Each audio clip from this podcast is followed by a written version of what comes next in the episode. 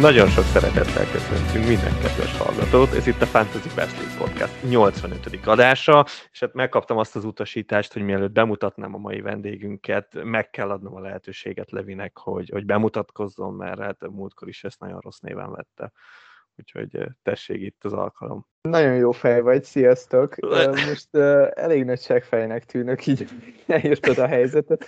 De pusztán azért kértelek erre, mert nagyon nehéz csak úgy megszólalni, pedig után már, már elkezdtek beszélgetni. Pedig ez egy szabad világ, itt bármit meg lehet csinálni. Na mindegy, hát a mostani vendégünk pedig hát Kelemen Bendegúz, és nagyon sokat gondolkoztam, hogy hogy kéne téged bemutatni, de úgy, úgy, úgy nehéz, nehéz volt mit mondani, és végül arra jutottam, amire nagyon kíváncsi vagyok, hogy mit gondolsz erről, hogy mióta itt mi csináljuk a podcastot, meg így látjuk a Discordos közösséget, én azt gondolom, hogy te fejlődtél az egyik legtöbbet így az FPL kapcsán, Úgyhogy uh, nyilván pozitív értelemben, mert most a David ide tudnám mondani negatívba, de most nem akarom már bántani. Úgyhogy a lényeg a lényeg, hogy Bendegúz üdvözlünk a podcastban.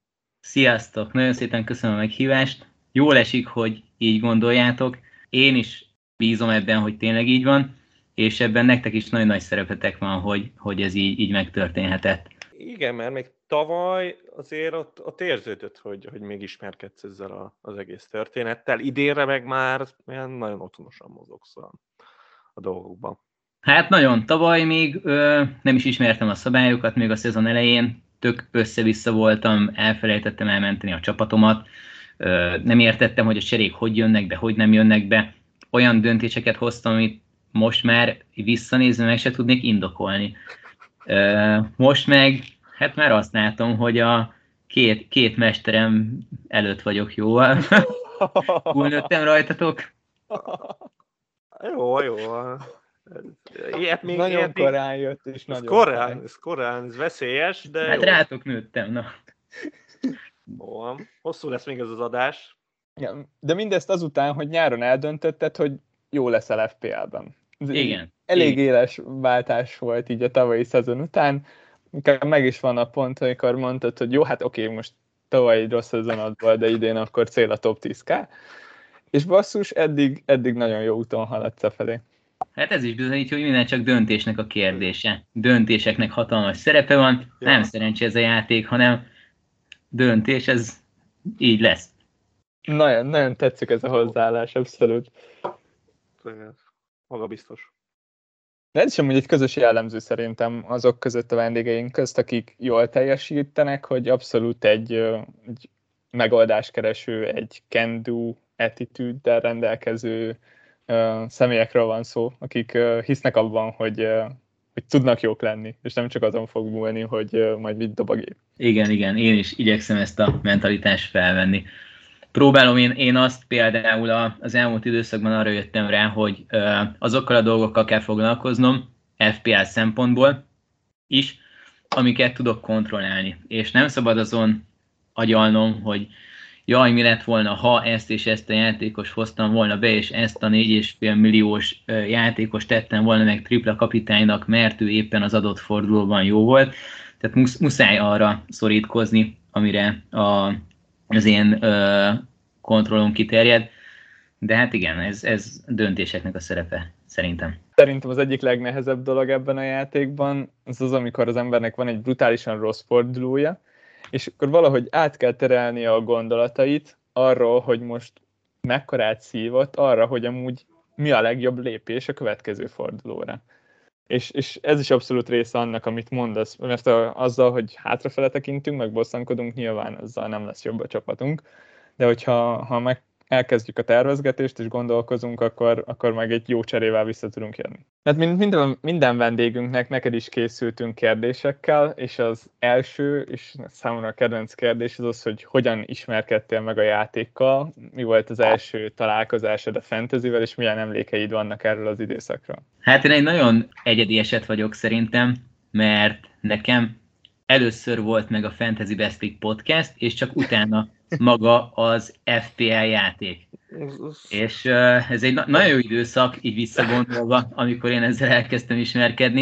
Én elég uh, régóta szerettem a Premier League-et, még a 19-20-as szezonban volt egy ö, FPL csapatom, tök véletlen oda kerültem az oldalra, csináltam fél évkor egy csapatot, aztán azt ott hagytam, azt se tudtam, hogy ez az egész, és aztán 2020 nyarán ö, így a, a, a Premier League kapcsán beleakadtam a podcastetekbe, és elkezdtelek titeket hallgatni, de úgy, hogy még semmit nem tudtam a játékról. Emlékszem, hogy akkor a... Tömény. Az, az, hát tömény is volt. Vittem éppen ö, ö, egy ilyen ö, lakásfelújítás után mosodába vittem cuccokat, és amíg ott ö, ültem, és vártam, hallgattam a közép árkategóriás játékosokat, és jó, igen. ilyen, ilyenek hangoztak el, hogy így majd mínusz négyért cserélni, majd wildcard, meg ilyenek, és, és, és semmi nem volt meg ebből az egészből.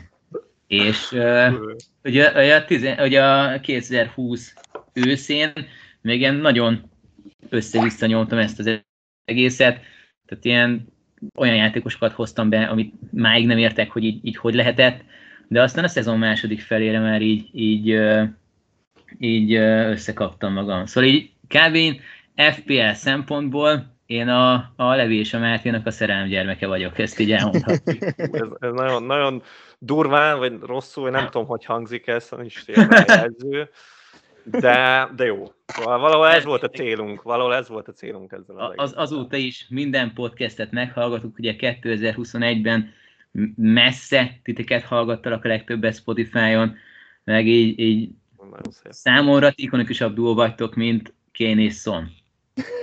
Vagy Ferenc és Filip. Vagy King és Dennis. Hát azért náluk még nem, de, de ők jó úton járnak a felé, hogy ez mégiscsak így legyen. Jaj, még mielőtt itt teljesen uh, elolvadunk, azt szeretném megkérdezni tőled, hogy már említettük így az kontrasztot az előző szezonod és a mostani között, és nagyjából össze tudnád-e foglalni nekünk, hogy min változtattál, mondjuk azon kívül, hogy mindenen, de hogy mik voltak a legnagyobb hatással a, a játékodra, és, és mi az, aminek azt köszönheted, hogy ennyivel jobb szezonod van idén, mint tavaly. Hát annak nagy szerepe volt, hogy a szabályokat megismertem. Ez így már tav- tavaly az első és a második fél év között már az úgy érezhető volt, de most már úgy ö, odafigyelek a, az olyan dolgokra, amik ö, kicsit kevésbé felületesek.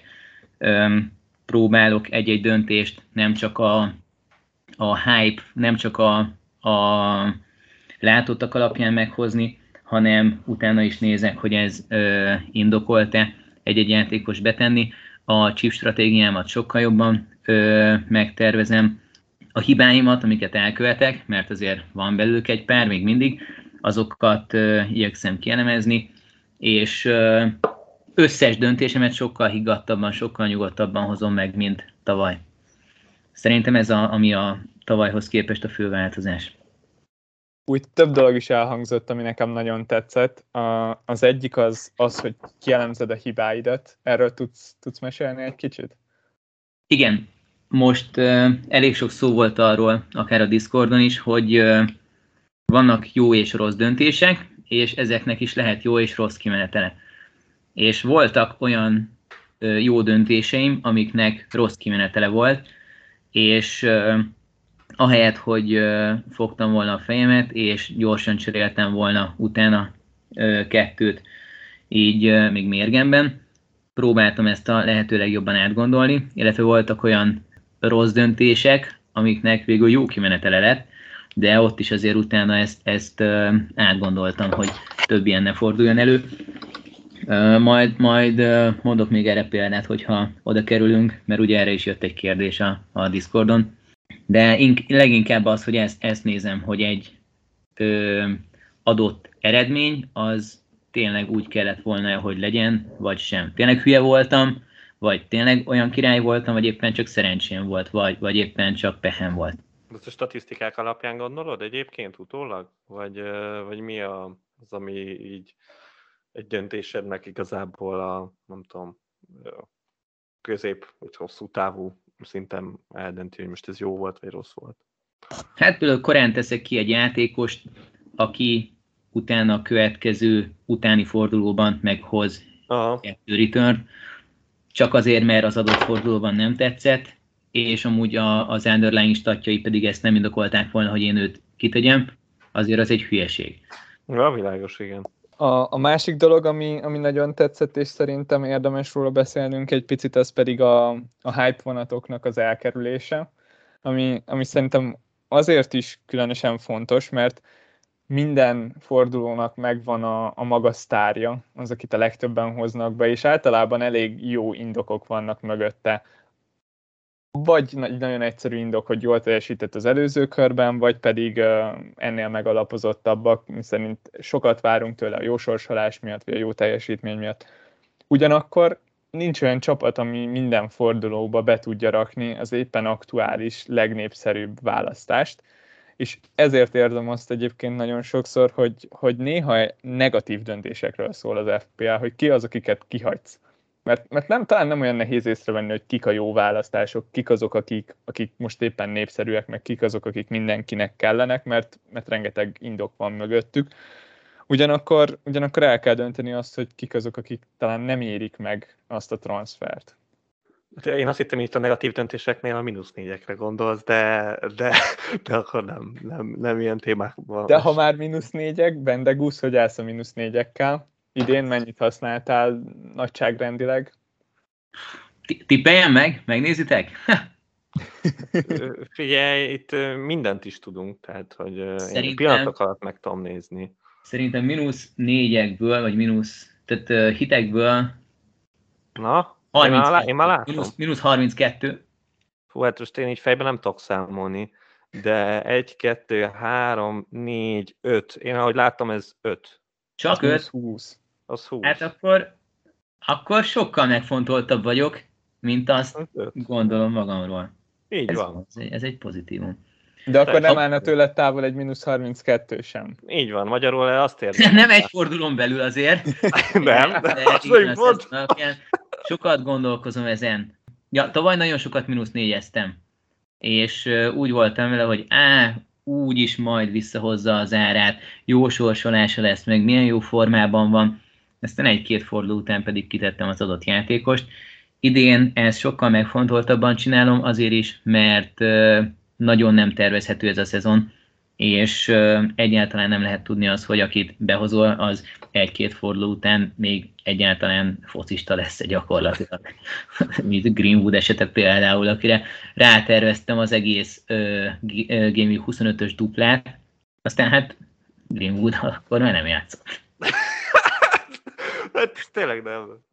Hát, Igen, egyre, egyre inkább afelé hajlok, hogy, hogy uh, ritkán éri meg mínusz négyezni és most is úgy igyekszem összeállítani a csapatomat, hogy mínusz négyeket elkerülve tudjak minden fordulóra egy jó csapattal kiállni. Tetszik, határozottan tetszik ez a hozzáállás. Nekem is mindig ez jön le igazából, hogy, hogy ahhoz, hogy valaki megismételhetően, folyamatosan jó legyen, szerintem ahhoz olyan szintű tervezés kell, ami, ami nem von magával végtelen sok mínusz négyet hanem, hanem egy bizonyos mennyiségű, de legalábbis ez áll közelebb az én, én játékstílusomhoz. Hogyan szoktál informálódni a podcasten kívül? Hogyan jutnak hozzád el az infók, és, és mi alapján szoktad meghozni a döntéseidet?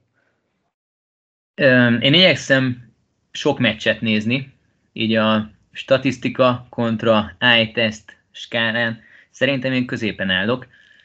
Én nekem sokat mond az, hogyha látok egy játékost játszani, és uh, amit nehezen lehet mérni a statokkal, az a, az önbizalom például, az pedig nagyon jól leírja az, hogy milyen reakciói, milyen gesztusai vannak egy-egy mérkőzésen, hogyan kommunikál a csapattársakkal. Amúgy a statokat első kézből nem nézek egyáltalán, mert az ö, szerintem nem vezet jóra, hogyha túl sok statisztikát néz valaki, mert ö, hajlamos lesz akkor kizárni a, a nem leírható dolgokat, hanem ö, másodkézből szoktam a, a Twitterről informálódni, a, az official FPL-nek a, egyrészt a podcastjét meghallgatni, meg a, a napi szintű videókat, illetve sok más Premier Ligás tartalmat fogyasztok, podcasteket hallgatok, azok is olyan dolgokra hívják fel a figyelmemet, amit itt az FPL-ben nagyon jól tudok kamatoztatni. Tetszik, abszolút nagyon tetszik. Korábban említetted, hogy a Liverpool a kedvenc csapatod. Hogyan szoktál megbirkózni azzal az ellentmondással, hogy, hogy éppen néha Liverpool játékosok ellen kell drukkolnod akár az FPL véget, ugyebár szerintem ez egy borzasztóan nagy ö, ö, ellentmondás tud lenni nagyon sokunk ö, hétvégeiben, amikor, amikor nem úgy akarjuk, hogy elsüljenek a dolgok a kedvenc csapatunk, meg a fantasy uh, gárdánk házatáján. Um, elő szokott ez kerülni, vagy, vagy általában nem szokott ez így különösebben megviselni? Tavaly még sokszor előkerült, tavaly igyekeztem úgy összerakni a csapatot, hogy mindig három púlosom legyen, és tudjak nekik szurkolni, viszont egy idő után, ahogy a játék kezdett egyre fontosabb lenni nekem, úgy jött, jött elő ez a, ez a diszonancia, hogy, hogy meg kellett birkóznom ezzel a tényel, és emlékszem még tavaly egy, egy Liverpool-Leeds meccsen Benford ben volt nekem, és nagyon drukkoltam annak a Benford gólnak, akkor még szarérzés volt, most már szerintem ö, jobban ezeket el tudom különíteni egymástól, és ö, én úgy vagyok ezzel, hogy a pool, az, tehát legyenek jók, egy, tartsanak ö, jó edzéseket, építsék fel jól a taktikájukat, és független attól, hogy én itthon minek szurkolok, ők, ők legyenek a legjobbak. Én onnantól kezdve szurkolhatok annak is, hogy kapjanak ki a, a Leeds-től de ez már te, te döntésed, meg a te problémád. De, és olyanod volt egyébként, hogy, hogy akkor nem raktál be Evertonost, vagy Manchester United-est így a nem, olyan, olyan egyáltalán nem volt. Viszont ami még az előzőhöz csatlakozik, ami egy nagyon-nagyon furcsa érzés volt most a 25-ös fordulóban, ugye Szeláh volt a kapitányom, akinek 260% fölött volt az effektív ownershipje, és nagyon drukkoltam a kapitányom ellen, hogy, hogy a Szalah kapitány az ne hozzon return, elég lesz, ne hozz már többet, elég, jól van, jól van, jól van. Aztán ott csak, csak rugdosta a gólokat, meg az első fél időben majdnem Mester 3 rugott, aztán így jó, hát most valószínűleg Zsorzsinyó is 11-esből lőne Mester 3 szóval most ettől azért nem, nem ájulok ház. Na hát, Zsorzsinyó egyszer lenne a kapitányom, akkor valószínűleg nagyon drukkolnék neki az ilyen 10% alatti EO-jával. Liverpoolosként egyébként azért vagy jó helyzetben, mert, mert egy Liverpool Leeds-en nyugodtan drukolhatsz Benfordnak, hogy 4-0-nál rúgjon két gólt. És, és talán nincs akkor ellentétben. Azért, amikor, hogyha én szeretnék például egy King golt a Manchester United ellen, akkor gyakorlatilag aláírom, hogy legjobb esetben X lesz az a meccs. Hát igen.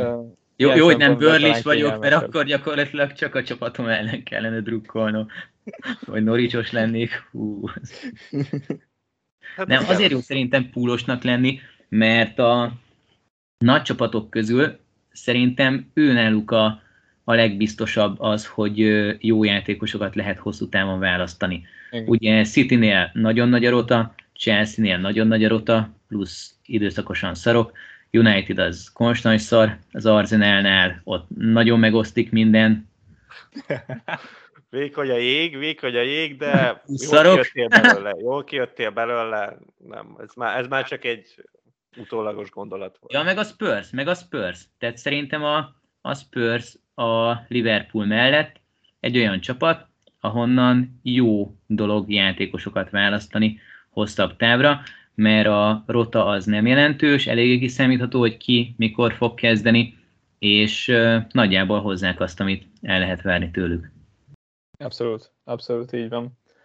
Vannak olyan hüvelykúj szabályaid, amik segítenek téged hétről hétre a transfereidben mondjuk? Gondolok itt olyasmikre, amiket például Attila mondott egy korábbi podcastban, hogy nem szeret duplázni a védők közül. Nem, ilyen jellegű szabályaim nincsenek.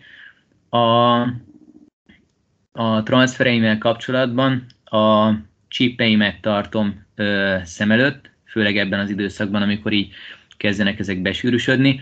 Elég hosszú távon gondolkozom a, a chip stratégiámmal, a sorsolásokkal, csapatok formájával is inkább hosszabb távon gondolkozom, viszont egy-egy konkrét cserét azt így, így kb. 4-5 fordulóra tervezek, és nem, nem befolyásolnak olyan döntések, hogy túl sok lesz az egyik csapatból. Ilyen, ilyenek nincsenek nekem. És akkor, miután már annyiszor említettük, hogy milyen jó szezonod van, mik a céljaid a szezon végére? Most ugye bár nagyon-nagyon előkelő top 25 ezres helyezésen tanyázol jelenleg. Hogyan szeretnéd zárni ezt a szezont? Nekem a legfőbb célom az, hogy a Csempóból följussak a Best League-be, Discord head to head Az ott, az ott sok izgalmat szokott nekem okozni hétről hétre. A, az overall rankingben pedig egy top 10-kát szeretnék megcélozni. Az nagyon nagy boldogság lenne, hogyha azt elérném. Én most gondolkoztam ezen, és szerintem a saját chip stratégiámmal, amit így a 25-ös fordulótól kezdtem el, közelebb fogok kerülni a, a 10 hez jóval, mint ahogy most vagyok. De nagyon boldog lennék, hogyha sikerülne egy, egy top 10 kán belőle érnem. Tavaly, amikor ezt leírtam, még ugye volt Discordon egy ilyen célmeghatározás nyáron, akkor ezt, ezt nagyon fölüllőttem. Tehát az, hogy tavaly úgy, hogy teljesen vakon voltam a játékban, vagy másfél millió, egy millió, tehát ilyen, ilyen helyeken tanyáztam, és tehát az, hogy, az, hogy százezerbe bekerüljek, már az is egy, egy tök nagy dolog volt. Aztán most idén először elértem ilyen 50 ezret, 30 ezret, még, még a, a Twitteremre, amit nagyon ajánlok mindenkinek, oda is így irogattam ki, hogy fú, legjobb helyezésem, hogyha, hogyha ott tartanék most a, az overallban, mint mondjuk novemberben tartottam, akkor nem lennék elégedett. Úristen, az milyen, de az kegyetlen. De ezt így kell csinálni, megértem. Szerintem az nagyjából már elmondható, hogy akárhogy is alakul a szezon vége, az, az overall rankinged, az biztos, hogy, hogy nagyon, nagyon jól fog kinézni még akkor is, hogyha netán nem lesz meg a top 10 kár, de Mátéval nagyon drukkolunk, hogy sikerüljen ezt teljesítened, és annak is nagyon drukkolunk, hogy feljuss a csempóból, mert szerintem mindannyian szeretnénk a Discordon legalább évi kettő Bendegúz balla rangadót látni, hogyha másnak, akkor a head ligákban. Igen, ez nagyon jó lenne, csak az a baj, hogy Mátéval viszont akkor már nem találkoznék sajnos. De még, még nem kell temetni, nem kell temetni, most zóna alatt vagyok, de múló állapot. Én is ennyire magabiztos vagyok a, a stratégiámmal, úgyhogy nagyon pozitív lesz minden. Ha már Bendegus felhozta, és így eljutottunk az interjú végére, szeretnétek beszélni a mögöttünk álló fordulóról? Hát én nem tudok róla mit mondani. Nem is akarok róla mit mondani, abszolút nem, nem is érdekel, kitöröltem az egészet. De tényleg, igazából én, ne, szóval én nem akarok róla mit beszélni. De hát akartok, hát nyugodtan. Ne, nekem csak annyi, hogy a, a 27-es fordulót én uh, alapból úgy terveztem, hogy uh, még, ami a legfontosabb, hogy Szenák nélkül húzom le. A 26-ban egy free hitet használtam, és előtte a 25-ben, amikor Szaláh már visszatért, én még tudatosan nem is hoztam be, és ezzel elégedett vagyok, hogy ez így sikerült. Ugye még a 25-ös előtt beszéltük is veletek, hogy mi lesz erre a, a 2-3 fordulóra a stratégia, és például az, hogy ként benhagytam végig, és még kapitányoztattam is, az, az nagyon bejött. Ennek most nagyon örülök. Necces volt azért, hogy, hogy 25-ben még kihagyni a szelehot, de, de most azért így utólag azt tudom mondani, hogy ez így jó volt. Aztán most a 27-est már lezártam, és én úgy wildcardozni fogok most 28-ban, szóval sok szempontból lezártam az előttünk, vagy a, a mögöttünk álló időszakot. Említetted, hogy a 25. fordulóban kezdődött meg a te chip stratégiád, és ami nekem nagyon-nagyon tetszett ebben az az, az hogy abszolút nem a mainstream vonalat követted, és egy teljesen egyedi stratégiával álltál elő, és ezt is említetted, hogy ennek a következő állomása egy 28. fordulóban elhasznált wildcard chip. Nagyjából ennek a mentén fogjuk megnézni hárman az előttünk álló három nagyon bonyolult és összetett fordulót, ugyanis a 28. fordulóból dupla forduló lett, a 29-es is egy jó nagy dupla forduló lesz, a 30. az pedig talán az idei legnagyobb lyukas forduló.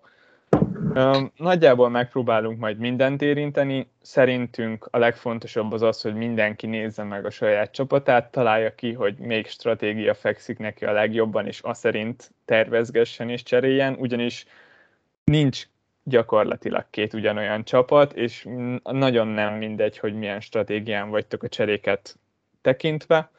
Na de hát azt mondom, hogy lássunk is bele, nézzük meg, hogy Bendegúz mi alapján állítottad össze a 28-as wildcard csapatodat. Nekem három fő tényező volt, ahogy valószínűleg mindenkinek, aki most wildcardozik, 28-as duplák, 29-es duplák és a 30-as blank fordulóban legyen meccse a játékosoknak.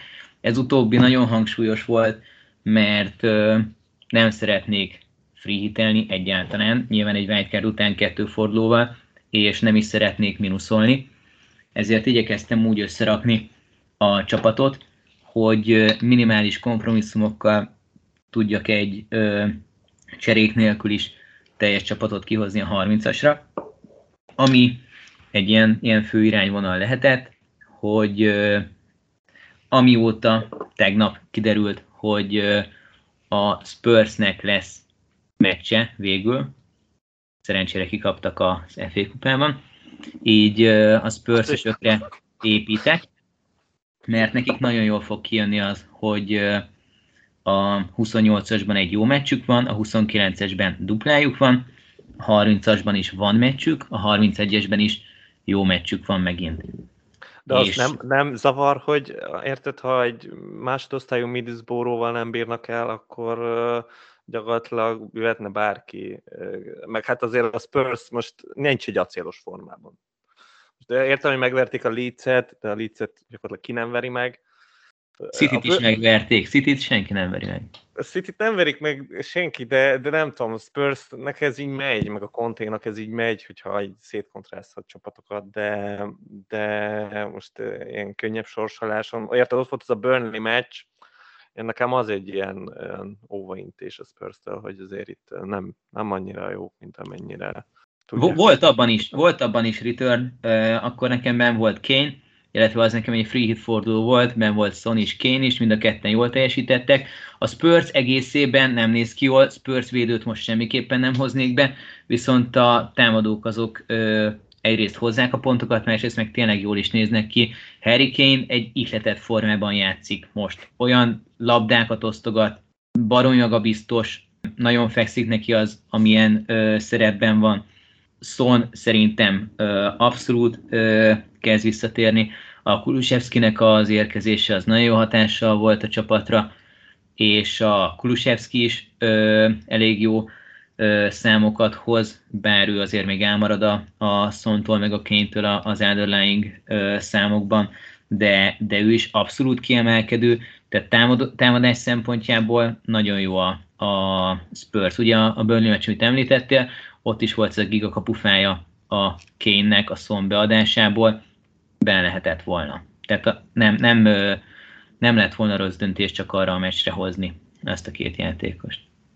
Jelenleg hány spurs van a wildcard csapatodban? Három. Három. Hmm. És három abból... támadó?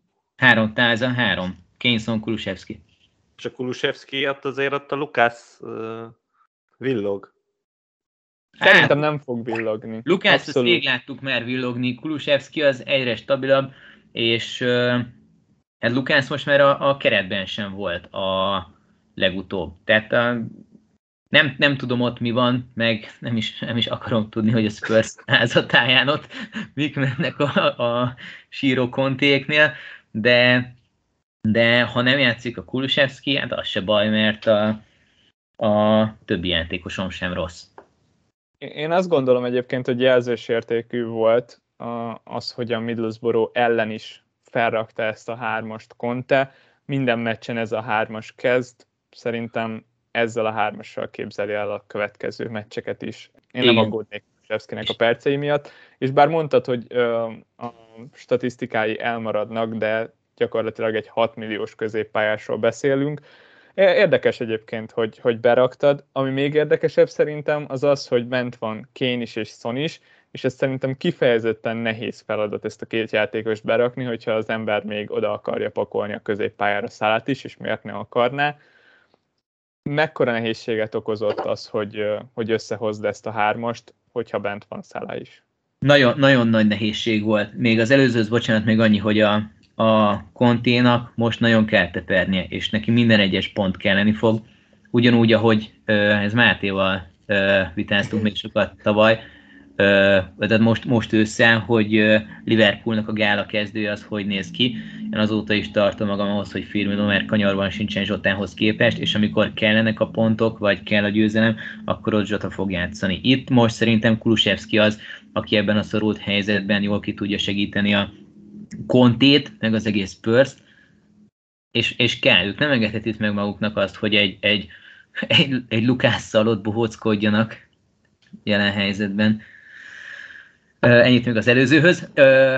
A csapatot összerakni viszont elég nehéz volt, és pici kompromisszumok kellettek, viszont nagyon szerencsés helyzetben vagyok most ezzel a wildcard és szerintem a lehető legjobbkor lövöm el ezt a wildcardot, azért is, mert nagyon jól alakul a sorsolása az elkövetkezendő két-három meccsre, vagy két-három gameweekre, és ez a, a Spurs, hogy kikapott a borótól, ez egy, egy hatalmas ajándék. Tehát ennél, ennél jobbat nem is kaphattunk volna mi wildcardosok.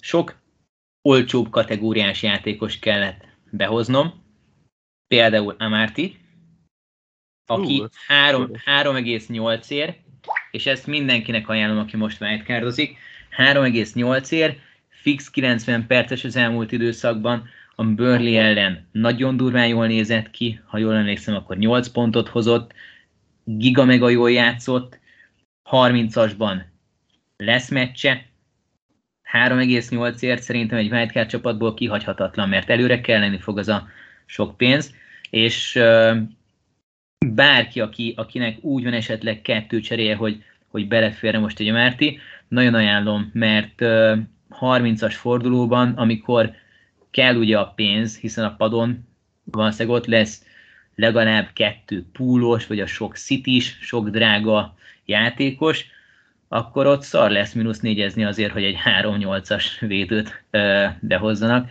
De, de most, hogyha van lehetőség, akkor mindenképpen egy Amártit azt, azt muszáj. Ugyanígy kapuba Foster, esetleg ö, ö, bench is 29-esben egy Foster az, az egy barom jó választás, 4.1 ér előre Proja 5.4 ér, az szerintem fantasztikus.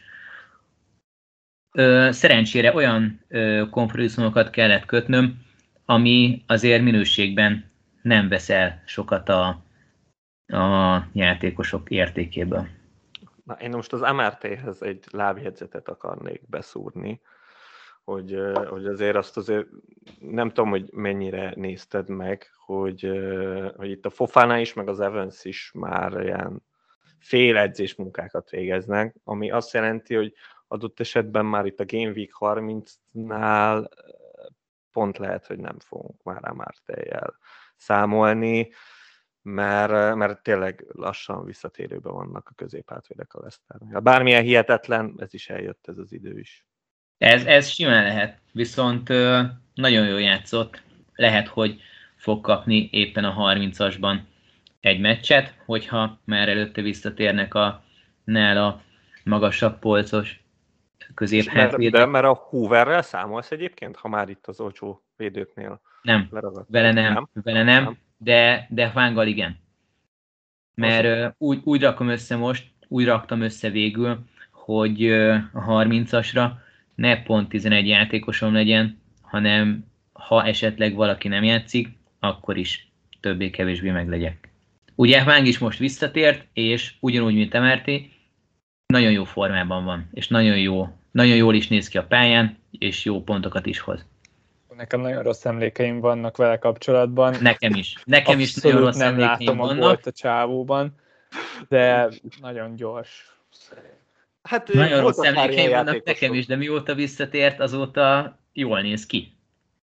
Jimenezzel ott, ott valami van, valami ott biztos van, amit mi nem tudunk, de, de ott neki a percé is, a, a múltkori sárgalapos szituáció is. Ott, ott Szerintem neki... vele a sérülése van.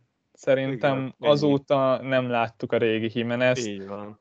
Nagyon örülök, hogy tud játszani, és nagyon drukkolok neki, hogy, hogy ennél jobb legyen. De, Igen. De egyszerűen nem elég meggyőző. Ő nekem az egyik legnagyobb meglepetés, hogy mennyi csapatban van jelen. Tök király, hogy játszik, meg duplázik, de egy öt gólos csatáról beszélünk, aki nem néz ki jól. Lehet, hogy félig pihentetve volt a West Ham ellen, bár nekem amúgy az is egy furcsa történet, hogy amúgy a Wolves miért pihentetne a West Ham Ez az. ellen. Fura, De- fura volt. de hogyha pihentetve is volt, azért, azért valamilyen részt vett ki abból, hogy, hogy nem teljesít jól mostanában. A gólok nincsenek meg, és amúgy nem olyan jó előkészítő, mint volt az előtt a szerencsétlen sérülés előtt. Igen, már nekem Wolves- is furcsa volt, hogy 26-osban nagyon sokan betették a free hit csapatukba Jimenez-t, de, de az, az sem volt egy indokolható döntés, én szerintem, és ö, ott a, a támadóknál szerintem Jimenez sajnos, mert én is nagyon drukkoltam neki, hogy visszatérjen a, a szerencsétlen sérülése után, de sajnos ő, ő nem a régi, bármennyi is drukkolunk neki, Traoré elment, Fábio Szilvával nem lehet számolni valakinek, viszont azt a kevés gólt is, amit rúg a, a Wolves, ezt, ezt be kell rúgnia. Tehát Most nagyon vissza- kevés volt. De hát Nagyon- ezért nagyon- tartják Cody.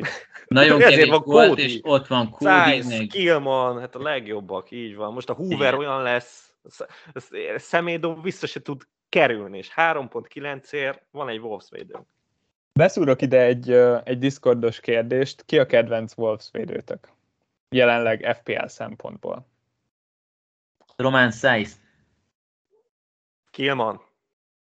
Én nekem Hú, egyértelműen én, Killman. én alapvetően pedig Kódit mondtam volna, de hogyha ha úgy nézzük, hogy Kódi és Size ugyanannyi percet játszik, akkor egyértelmű, hogy Size a veszélyesebb a kapura, szóval lehet, hogy Bendegúz veled vagyok, és, és akkor én is Size-ra szavazok. De, de abszolút a perceket nézném most a védőknél, és ezért is nem mondtunk szerintem egyikünk se szélső. Én- szélső én- azok meccesek.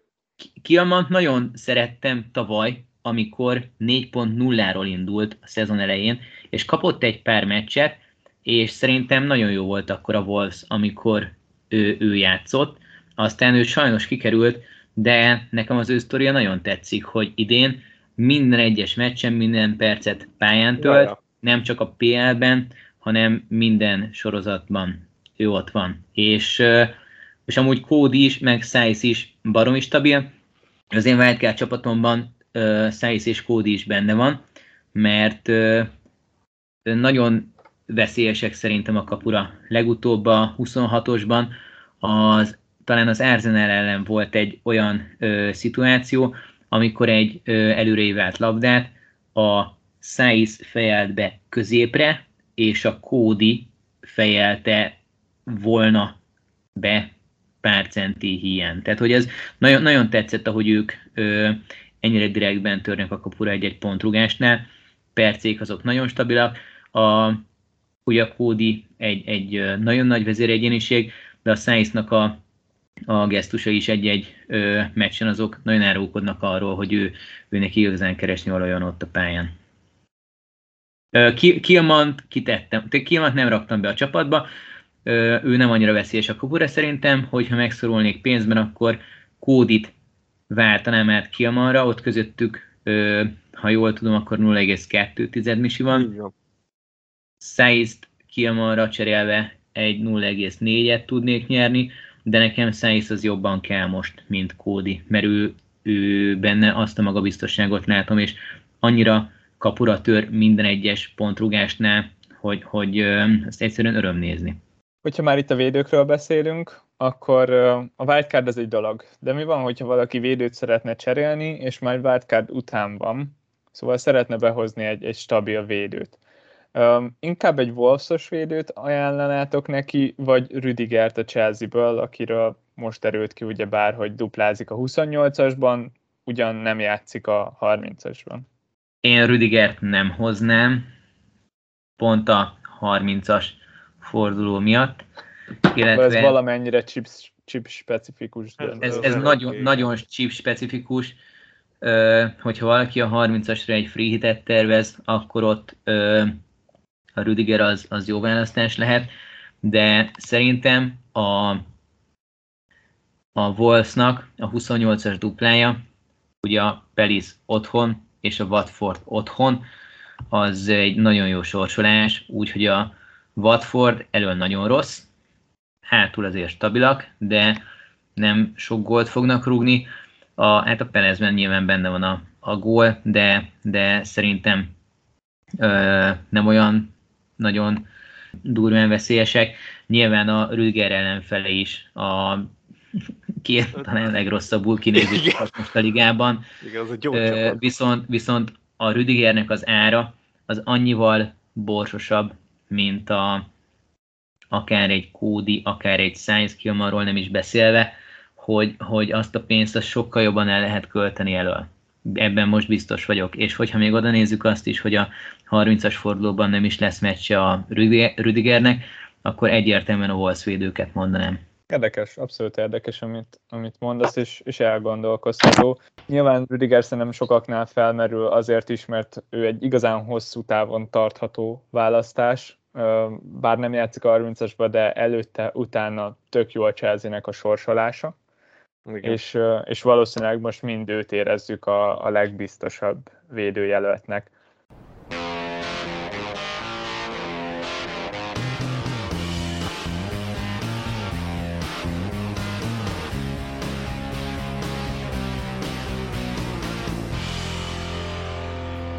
ha már Chelsea, az, az biztos. dupláznak ebben a fordulóban, említetted, hogy a duplájuk az a Burnley és a Norwich, mind a két meccs idegenben. Wildcardon, free hiten, vagy csak úgy, vannak-e opciók, lehet-e valamit kihozni ebből a borzasztó jó duplából, ahol a liga harmadik legjobb csapata találkozik gyakorlatilag majdnem a két legrosszabbal. Mit tudunk ezzel kezdeni? A wildcardomat chelsea nélkül raktam össze, és uh, utána jött a Chelsea duplának a híre. Megnéztem, hogy uh, ki helyett tehetnék be Chelsea-st. Úgy gondolkoztam, hogy ki az az én 28-as vagy 29-es kezdőcsapatomból, akik helyett egyértelműen jobb lenne egy Chelsea is, úgyhogy még az árkülönbözetet is megéri, plusz a, a 30-ra tervezett cserét vagy padoztatást is megéri és nem találtam ilyet. Egy ö, lehetőség volt az, hogy Coutinho helyett betegyem Mountot, ott egy tized millió a különbség, Coutinho az olcsóbb, de, de nem volt annyival meggyőzőbb. Ugye Mount most, most ö, kezd visszatérni, még most egy teljes meccset letolt most a, a kupában is, annyira nagyon jól még nem nézett ki szerintem, de, de benne mindig benne van, úgy gondolom a, a return de nem gondolom, hogy a tehát coutinho a következő duplája az ö, ö, sokkal jobbnak ígérkezik, mint a Mountnak. Soton, illetve Leeds, úgyhogy Coutinho ott sokat fog játszani. Tuhelnél benne van a rota, plusz még ö, Mounttól nem láttuk azt az elmúlt időszakban, ami, ami Coutinho-ban meg megvolt. Ami nekem nagyon tetszett mount kapcsolatban, az az, hogy a vasárnap Liga kupa döntőben borzasztóan sok nagyon nagy helyzete volt. Nagyon jó volt. Az, hogy akkor ott nem, nem talált gólt magának, az, az szerintem kifejezetten nagy meglepetés. Ami nagyon nem tetszik vele kapcsolatban, az az, hogy bár ott lecserélték viszonylag korán, 70 percet játszott, csak Rüdiger és Mount volt a Chelsea-ből az a két játékos, aki játszott vasárnap a Liga Kupa döntőben is, és utána az FA Kupa meccsen is, ami, ami valamennyire aggasztó lehet szerintem, főleg Mount esetében így a, a duplát megelőzően, hogyha ha játszik mind a kettőnek, az van kifejezetten jó pick, így viszont nem, nem tudok nem aggódni a percé miatt. Most én nem aggódok, látod?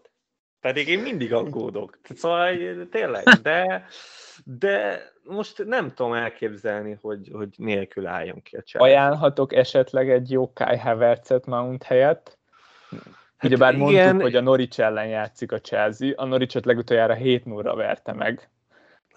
Igaz hazai pályán, de Havertz szerintem csatárpozícióban is odaférkőzhet a Chelsea kezdőjére. Hát igen, igen, azt látjuk, hogy Lukaku az mellőző van, nem is véletlenül, de attól függetlenül, hogy mondjam, tehát voltam már ebbe a, ebbe a bizonyos folyóba, nem volt jó, nem volt jó, nem volt vicces, úgyhogy dupla ide, dupla oda, nem, az, az a meccs is Reece Jamesről szólt, valószínűleg a visszavágó is róla fog szólni. Rihiten segítsetek nekem, Mount vagy Havertz? Hogy már békén ilyen hülyeségekkel. Elég volt már. Nem, persze, nyilván ez, ez nem kérdés. De Havertz nem. Azért Lukaku egy meccset fog kapni. Tehát azért annyira nem szar. Most egy Norwich ellen be tudod rakni a Lukaku-t. De Havertz tud hátrébb is játszani szerintem. Tud mindenhol játszani, de attól függetlenül nem. Szerintem egy meccset kap Havertz. Meg egy, egy... A Mountnál megvan az esély, hogy két meccset kap. Úgyhogy, Szerintem is Mount. Uh, ugye Lukaku most uh, nagyon sokat volt mellőzve, de kezdi rugdosni a gólokat. Tényleg? Werner. Werner most, most, most a kupában most nagyon jót nyomott. Szerintem meg fogják kapni a lehetőséget. Havertz ö, sokkal inkább potriválisa nekik, de én Mountban sem vagyok biztos amúgy. Tehát én egyiket se hoznám egy free hiten. De, de, de, de Mountot hoznám. Havertzet biztos nem, Mountot igen. Na, ezen, ezen mindenképpen el fogok gondolkodni. Bevallom, hogy tényleg talán engem sem vonzza annyira Havertz.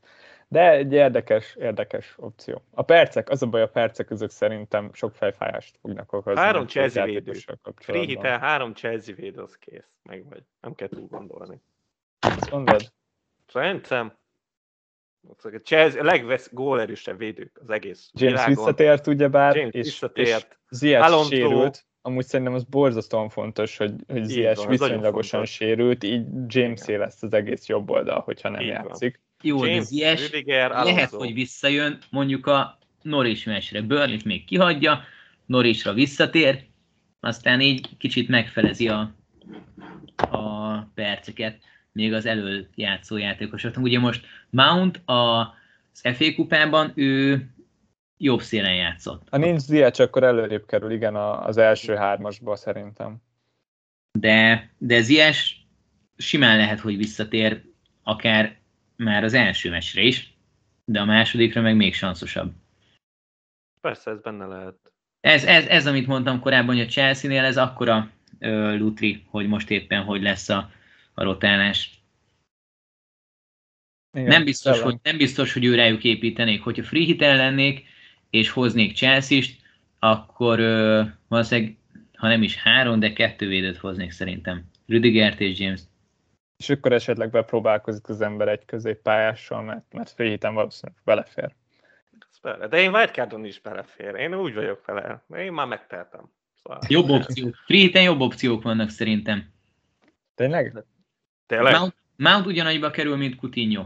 De, de, de én nekem a Villa nem győzött meg. Nem tudom, hogy titeket mi alapján győzött meg az Aston Villa. Nekem ez lett volna a kérdésem, a legfontosabb kérdésem, amit nem tudok eldönteni, vagy hát nagyjából Tom rá választ, de hogy ugye itt van nekünk ez a Soton Villa meccs, ugye itt mindketten dupláznak, és nagyjából hasonló sorsolásuk egyébként, talán a Sotonnak egyébként jobb, de ugye ők nem játszanak a 30-asba, de hogy meg hát én szerintem sokkal jobban néz ki a Soton. Főleg támadásban az, az szerintem nem kérdés és akkor ezen vagyok a dilemmába, ugye ráadásul a Villa egyet több meccset játszik, ami wildcardon az egy fontos indok, de attól függetlenül nem tetszenek. Tehát, hogy így se védő szinten nem tetszenek, mert nem jók hátul, se támadó szinten nem tetszenek, mert nincsenek pikkek igazából. A Watkins Inks nem jó, mert össze-vissza váltják egymást, és itt van az egyetlen Coutinho, akiben én meg abszolút nem bízok.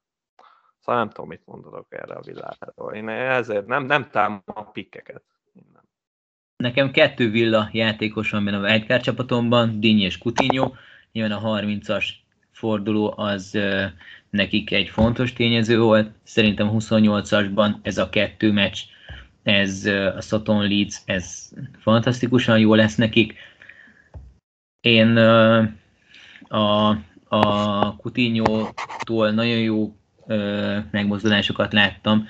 Hát szerintem három blenke volt most már egy, egy húzamban, de azelőtt meg baromi jól nézett ki, és szerintem ő ezt, ezt fogja tudni folytatni, amit az érkezése után egyből elkezdett. És Dínyben meg ugyanezt látom, hogy ő baromi agresszív, nagyon sok lehetősége van.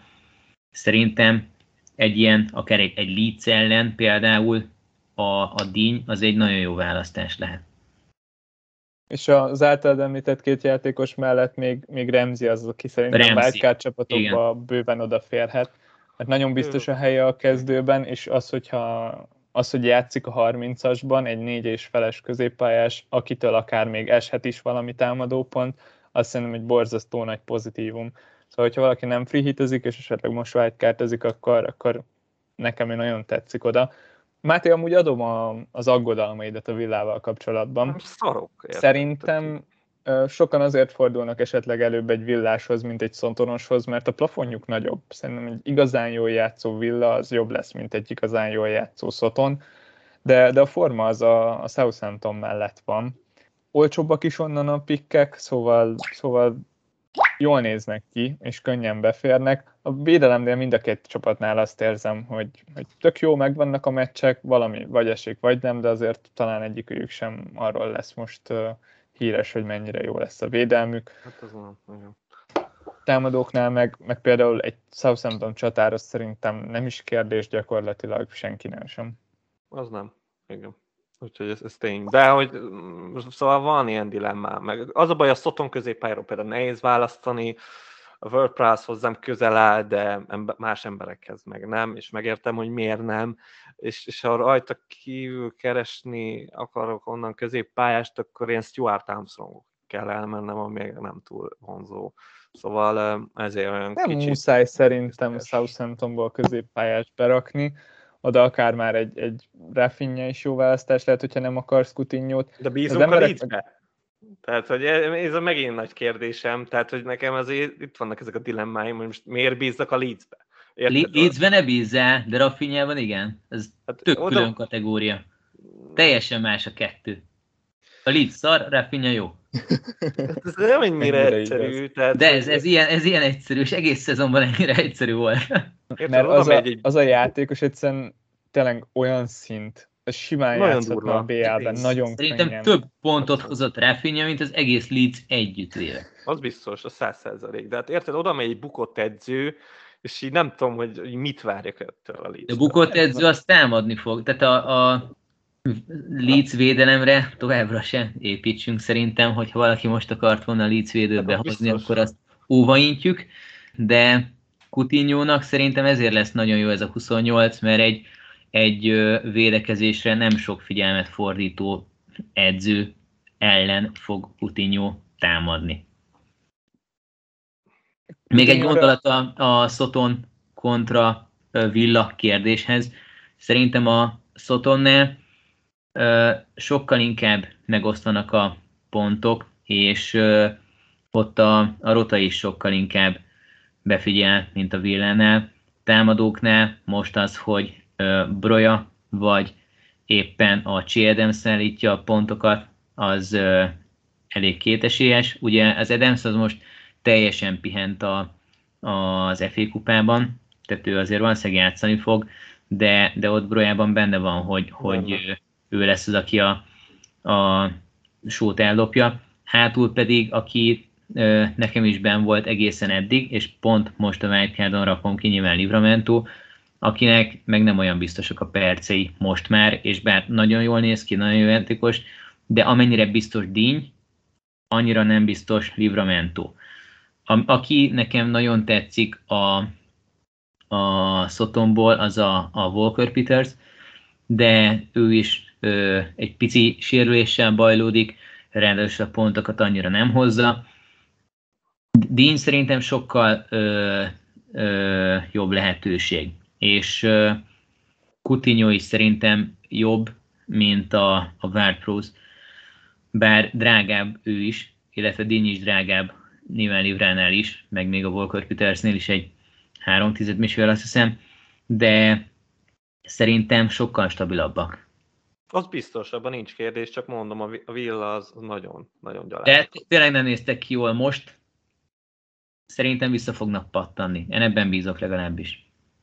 Plusz ugye a 30-as forduló, nem szabad túl sok szatonos behozni szerintem, mert akkor a 30-asban ott leszünk, hogy vagy free hit, vagy pedig mínusz sok. Coutinhohoz még egy, egy fél gondolat így a Southampton Aston Villa téma lezárásaként, hogy szerintem rá extrán igaz az, amit még korábban mondtál, Vendegus, hogy, hogy valószínűleg soha nem úgy fogjuk kiszúrni Coutinho-t, hogy milyen jó statjai vannak, hanem hát az ember vagy elhiszi Igen. neki, vagy azt érzi, hogy bejön, vagy nem. És, és pont ő az a játékos, akinek a 18-ról beakasztott bombája az nem azért fog jönni, mert amúgy megtermelte azt az egyes XG-t, ami, ami egy gólt jelentene statisztikai nyelven. Nekem a Coutinho-ról a tavalyi Jesse Lingard jutott eszembe, amikor átment a West Hamhez, és megváltotta a világot, amikor a, az első meccsén Coutinho-t becserélték a United ellen, és teljesen felforgatott mindent, és az a, az a magabiztosság, ami nem csak Coutinho-ból, hanem az egész környezetből áradt, és a, már lehetett látni villaszurkolókat brazil zászlóval a lelátón. Uh-huh. És, és, és ez, ez egy olyan dolog, ami, amit nem írnak le a statok, de vagy akár Coutinho és a Gerard kapcsolata. Mi ezt nem, nem tudjuk, hogy ez, ez pontosan milyen, és nincs erről a statisztika, hogy, hogy ők, ő kapcsolatuk az mennyire más, mint a Hasenhüttl és a, a Wardprowse-nak a kapcsolata, de ott olyan kémia van, ami, amit mi, mi nem tudunk. És, és én ezt elhiszem nekik. És én ebben bízom. Adom. Nagyon szép. Adom, nagyon, nagyon szép. adom. Milyen, milyen gondolataid voltak még a csapatod összeállításánál? Van még, ami, ami felmerült benned? Igen, egy nehéz döntés volt, hogy a csapatom értékén sokat bukok a wildcard-dal. Méghozzá azért, mert három olyan játékost is kirakok, akik nagyon régóta benn vannak, jókor sikerült elkapnom őket, nagyon sokat nőtt az áruk, de úgy gondolom, hogy nem fogják mostantól azt hozni, amit eddig, és az ő általuk felszabadított pénz az pedig nagyon kell majd máshova. Ez a három játékos, ez Cancelo, Bowen és Zsota. És mindegyik hát legalább egy ilyen 6, 6 10 millióval, hanem 1 millióval nőtt, amióta őket beraktam, és ezeket hát még mindig nem nyomtam rá az ő eladásukra, de Zsota ma, ja nem, bocsánat, Bowen ma esni fog, Kulusevski meg nőni fog, szóval szerintem ma meglépem ezeket a cseréket. Legnehezebb szívvel amúgy Cancelót rakom ki, de én úgy gondolom, hogy a, a City egy picit megtorpan a lendületében most, és úgy, hogy a púla a sarkukban liheg, és a poolnak most szerintem jobban készen van a kerete arra, hogy a, a szezon hátra lévő részét gyakorlatilag hibátlanul letolják, illetve a, a City-nek így a, a BL kieséses ö, szakaszában ott még nagyobb lesz a nyomás. Szerintem ott, ott ö, elő fog jönni egy-egy hiba hátul is, és Cancelo nem fogja azt hozni, mint amit a szezon közepén nagyon stabilan tudott ö, hozni ö, teljesítményben is, meg FPL pontok szempontjából is futószalagon jöttek ott a, a return meg a bónuszok ráadásul. Többet tudunk máshonnan ö, szerezni, hogyha az ő eladásából szerzett pénzt máshol fektetjük be. Bowen is egy nagy szívfájdalmam, főleg azért, mert az ő ö, ő megvételét azt még a, a nagy hype előtt ö, sikerült megcsinálnom, és ö, a, az ő dupláján is egy, egy nagyon, nagyon jó kapitányválasztás volt nekem, Tehát tudom, tudom, hogy még mindig benne van a return, és nagyon jók a, a, a mutatói azóta is, de szerintem az ő lendülete is egy, egy picit megtört, és Zsotánál pedig a, a percek azok amúgy is kérdésesek, így, hogy Diaz is megérkezett, hogyha ott egészséges mindenki elől, akkor ott Klopp szerintem el fog kezdeni rotálni. Nála sem látom azt az átütő erőt, mint amit még a szezon első felében úgy, úgy láthattam tőle. Nehéz szívvel adom el mind a hármat, nehéz pénztárcával ráadásul, de szerintem jobban fogunk tudni fektetni ezt a pénzt. Nagyon érdekes szerintem ez a trió. Uh, hogyha az ember nem tud jó szívvel belemenni a 29-es duplába úgy, hogy, igazán várja a pontokat, mert aggódik a percek miatt, akkor lehet, hogy jogos az, hogy eladod. Bowennél nagyon ijesztő szerintem az, hogy a City-vel meg a Pullal is fog játszani a West Ham, szóval a sorsolás az, az ramaty, és amúgy azt lehet érezni, hogy maga, mint csapat, a West Ham azért, azért igencsak szenved mostanában, plusz ott van még nekik az Európa Liga, azért ez így nagyon soknak tűnik egyszerre. Cancelo az a pick, akinek meg tudom érteni a kirakatalált, ugyanakkor szerintem egy teljesen vállalható tartás is, hogyha ha valaki annyira szereti, mert a Később sorsolása amúgy nagyon jó, igen. Cancelo hogy lényegében egy City támadó, aki, aki ott van a védelmünkben, szóval bár, bár drága, de, de róla el tudom képzelni, hogy, hogy benn maradjon akár még wildcardon is. Igen, majd kelleni fog majd a végén, az szinte biztos. De persze az más kérdés, hogy attól függetlenül nem biztos, hogy kell tartani most a következő időszakra. Tehát azért ez is egy dilemma, amit hát vagy elbír a csapat, nem tudom, 0-5-tel hatta a drágább cancelót, vagy nem. Ez... Igen, ez lehet, hogy én is egyszerű szakon hozni, viszont nagyon sok kompromisszum lenne, hogyha most bent tartanám cancelót, akkor egyrészt Coutinho-t nem tudnám megengedni, jöhetne helyette Remsi, amit azért nem szívesen vállalnék be, másrészt pedig ugye a 30-as fordulóban, úgyhogy én nem free hitelek, így, így jó szívvel kettő olyan játékos tartanék benne, akik a padom végén lehetnek, mert szeretnék azért egy cserét, és ez Salah és Trent lesz. És innentől kezdve... Most, meg van kötve a kezed. Na, na nehéz. Tehát, hogyha benne lenne még, benne lenne még ő mellettük Coutinho, akkor az azt jelenti, hogyha mondjuk egy Amerti vagy Hwang nem játszik, amire azért megvan az esély, akkor már, már is nincs meg a teljes csapatom. Az nem vészes. Én, én például tíz emberrel számolok abba a fordulóba. Tehát ott én nem, nem, nem Igen, az még, ráadásul, az úgy, ráadásul úgy, hogy a, a keret maradék részének is sokkal kisebb az értéke. Tehát egy, egy kódi 4-8ért szerintem most az elkövetkezendő ö, három fordulóra sokkal jobb lesz, mint a Cancelo. Én így gondolom. Árérték arányban biztosan. Úgyhogy azt, azt a pénzt meg mondjuk egy, egy Keyneson párosba, vagy egy Coutinho-ba a duplájára beleforgatni, az, az szerintem egy jó választás. Én, én azt javaslom neked, hogy a, a pénz miatt ne feltétlen aggódj, mert ahogy Máté is mondta, amúgy, hogyha később annyira fontos lesz, hogy vissza tudod majd igazolni, nyilván az egy, egy kisebb átalakítással, de megoldható, és a csapatunknak az értéke, minél hosszabb távon nézzük, annál, annál jobban jön ki, és annál többet jelent. De így, hogy már kezeledünk a szezon végére, egyre kevésbé fontos az, hogy 1,5 105 milliót ér a csapatunk, vagy 104-et, mert minél kevesebb forduló van előttünk, és minél rövidebb távon nézzük, annál kevésbé jelentős ez a különbség. Igen, én is így gondolkoztam ezen, és most már sokkal szívesebben bukok egy fél milliót egy-egy játékoson, mint azt korábban tettem volna. Nagyon, nagyon, nagyon tetszett, amit, amit mondtál.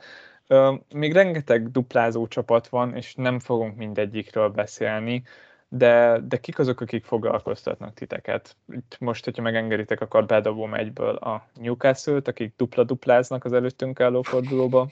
Hoznátok onnan bárkit is? Én nem fogok. Nagyon nem. Szóval nem tudom, kit kéne hozni. Tehát senkit. Meg azért három idegenbeli meccsről beszélgetünk. De van, a... van, van azért onnan pick. Tényleg? Tehát, hogy szerintem, szerintem egy target jó számokat hoz a target. Annyi beadások volt az elmúlt időszakban, mint Robertsonnak. De, de nem tudom mit mondani most. Targetten én gondolkoztam. Chris Wood a csapatodban van, akkor nyilván ontod befele a beadásokat, de hát van eredménye? Nincs. Nem tudom, hogy miről beszélünk. Nem tudom. Szóval nem, nem hoznak clean nem fognak clean sheet hozni. Szerintem a négyből, hogyha egy clean sheet hoznak, akkor így Newcastle védősök így, nem tudom, pesgőt bontanak. Szétcsúsznak a városba. De nem, tehát én nem látom magam, hogy ezek sokkal jobb csapatok, akikkel játszanak, mint, ő maguk. Tehát most nagyon nagy flóba voltak, de hát a sorsolásuk is nagyon easy volt. Tehát ez a newcastle nem, nem, nem, nem ájultam el, nem tudok, nem tudok rájuk mit mondani tényleg. De látom Bendegúz tudsz pozitívabbakat mondani Newcastle-ről, úgyhogy át is adom. Azt Szerintem igen, és én most azt néztem, hogy amióta elkezde, elkezdődött ez a nagy ö, menetelése a Newcastle-nek, hét meccsből három clean sheet.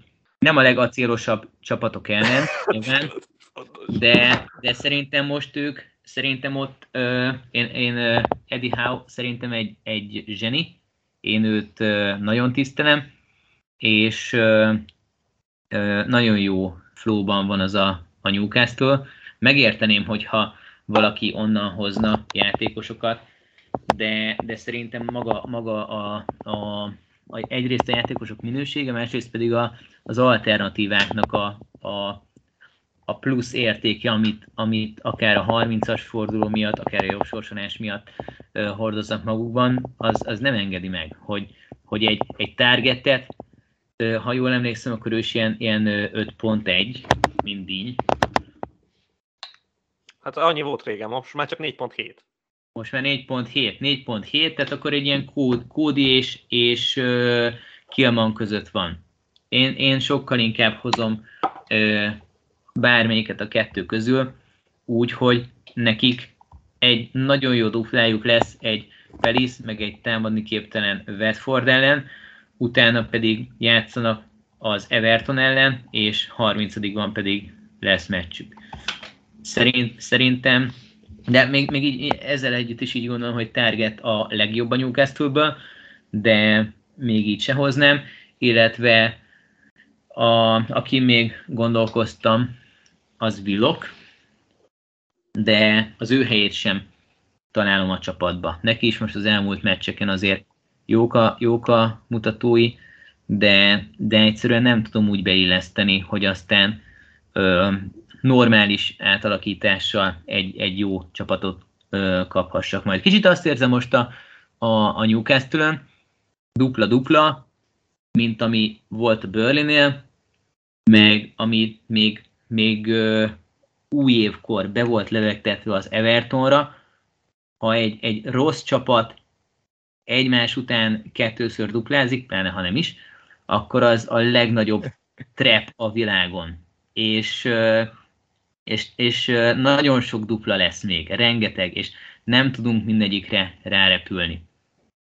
Szerintem, szerintem szortírozni kell ezekből. Hogyha, hogyha az egész szezon normális szezon lett volna, nem lett volna Covid, meg normálisan lementek volna a meccsek, meg nem lett volna hó Burnley-ben, akkor összesen egy dupla van, arra rámehettünk volna. De így, hogy annyi más dupla lesz, szerintem a Newcastle-re hülyeség lenne. Szent Maximin baromi jól néz ki, én őt imádom, mint játékost, egyszerűen fantasztikus, amit csinál, de, de ő, ő meg ö, sérülés, sérülésből fog visszajönni, ö, plusz a, a csatáropciók ö, is egyrészt kellenek a 30-asra, másrészt pedig ö, például egy, egy ö, ö, szotonos csatár, aki meg egy, egy elég jó duplával fog most menni, azt szerintem kell, és ö, viszonylag drága egy, egy szoton csatárhoz képest egy, egy Szent Maximin, úgyhogy neki a perc is azért kérdésesek. Én nekem Newcastle kilőve. Meg kell választanunk a csatáinkat, ugyanis annyi dupla van előttünk, plusz még a, a lyukas forduló, hogy, hogy itt sem lehet mindent. És, és bár feldobtam nektek, hogy, hogy mondjatok csapatokat, de most pofátlan módon a következőt is szeretném én. Említettük, hogy igazából három dolgot tudhatnak most a csapatok. Vagy dupláznak a 28-asban, vagy dupláznak a 29-esben, vagy játszanak a 30-asban. És hogyha egy csapat a háromból már kettőt tud, az, az igencsak jó számunkra, mert az azt jelenti, hogy ki tudjuk aknázni a sorsolásában rejlő lehetőségeket. És a Spursnél azt is elmondtuk, hogy, hogy ajánljuk őket azért, mert dupláznak a 29-esben, és utána számíthatunk rájuk a 30-asban, és még egy ilyen csapat van, az Arsenal, akik elég jók mostanában, versenyeznek a negyedik helyért, szóval ugyanúgy megvan a tét, mint a Spursnél. Hogy állsz az Arsenállal, Bendegúz? Van-e onnan játékos a csapatodon? Van egy Ramsdale, akit Nagyon még... jó döntés, abszolút. Ezt százszerzékig támogatom a legjobb a játékban. Még, még őt is sikerült azelőtt behoznom, hogy egy ö, nagy hype lett volna belőle. Gyakorlatilag nem sokkal azután, hogy leigazolt őt az Arsenal, és egyértelmű vált, hogy ő lesz a kezdőkapus, és kiszorítja Lénót. Én ö, őt hoztam, és nagyon sokáig ő vele és Sánchezzel ö, toltam a játékot. Sánchez-től most válok meg, mert a Brighton hátul vállalhatatlan, de az, amit Ramsdale tud, főleg úgy, hogy ö, én még négy és fél hoztam be, az egy, az egy nagyon-nagyon-nagyon nagy érték. Úgyhogy egy hátul stabil csapatnak, ö, ráadásul jó sorsolással, duplával, 30-as ö, fordulóval, ez, ez, ez nagyon jó. Tehát Ramsdale szerintem kötelező mindenkinek. És ki a cserekapusod? Foster Watfordból. Forstert akartam, de rá meg már nincsen pénzem. Forster nagyon tetszik nekem. Meccsen is elképesztően jó nézni azt a magabiztosságot, amit ő a Szoton kapujában csinál, és ö, ö, szerintem neki most ö, nagyon jó duplája fog következni Fraser Forsternek, de rá már nem volt pénzem, és sokkal inkább behoztam akkor a, a Ben Fostert helyette.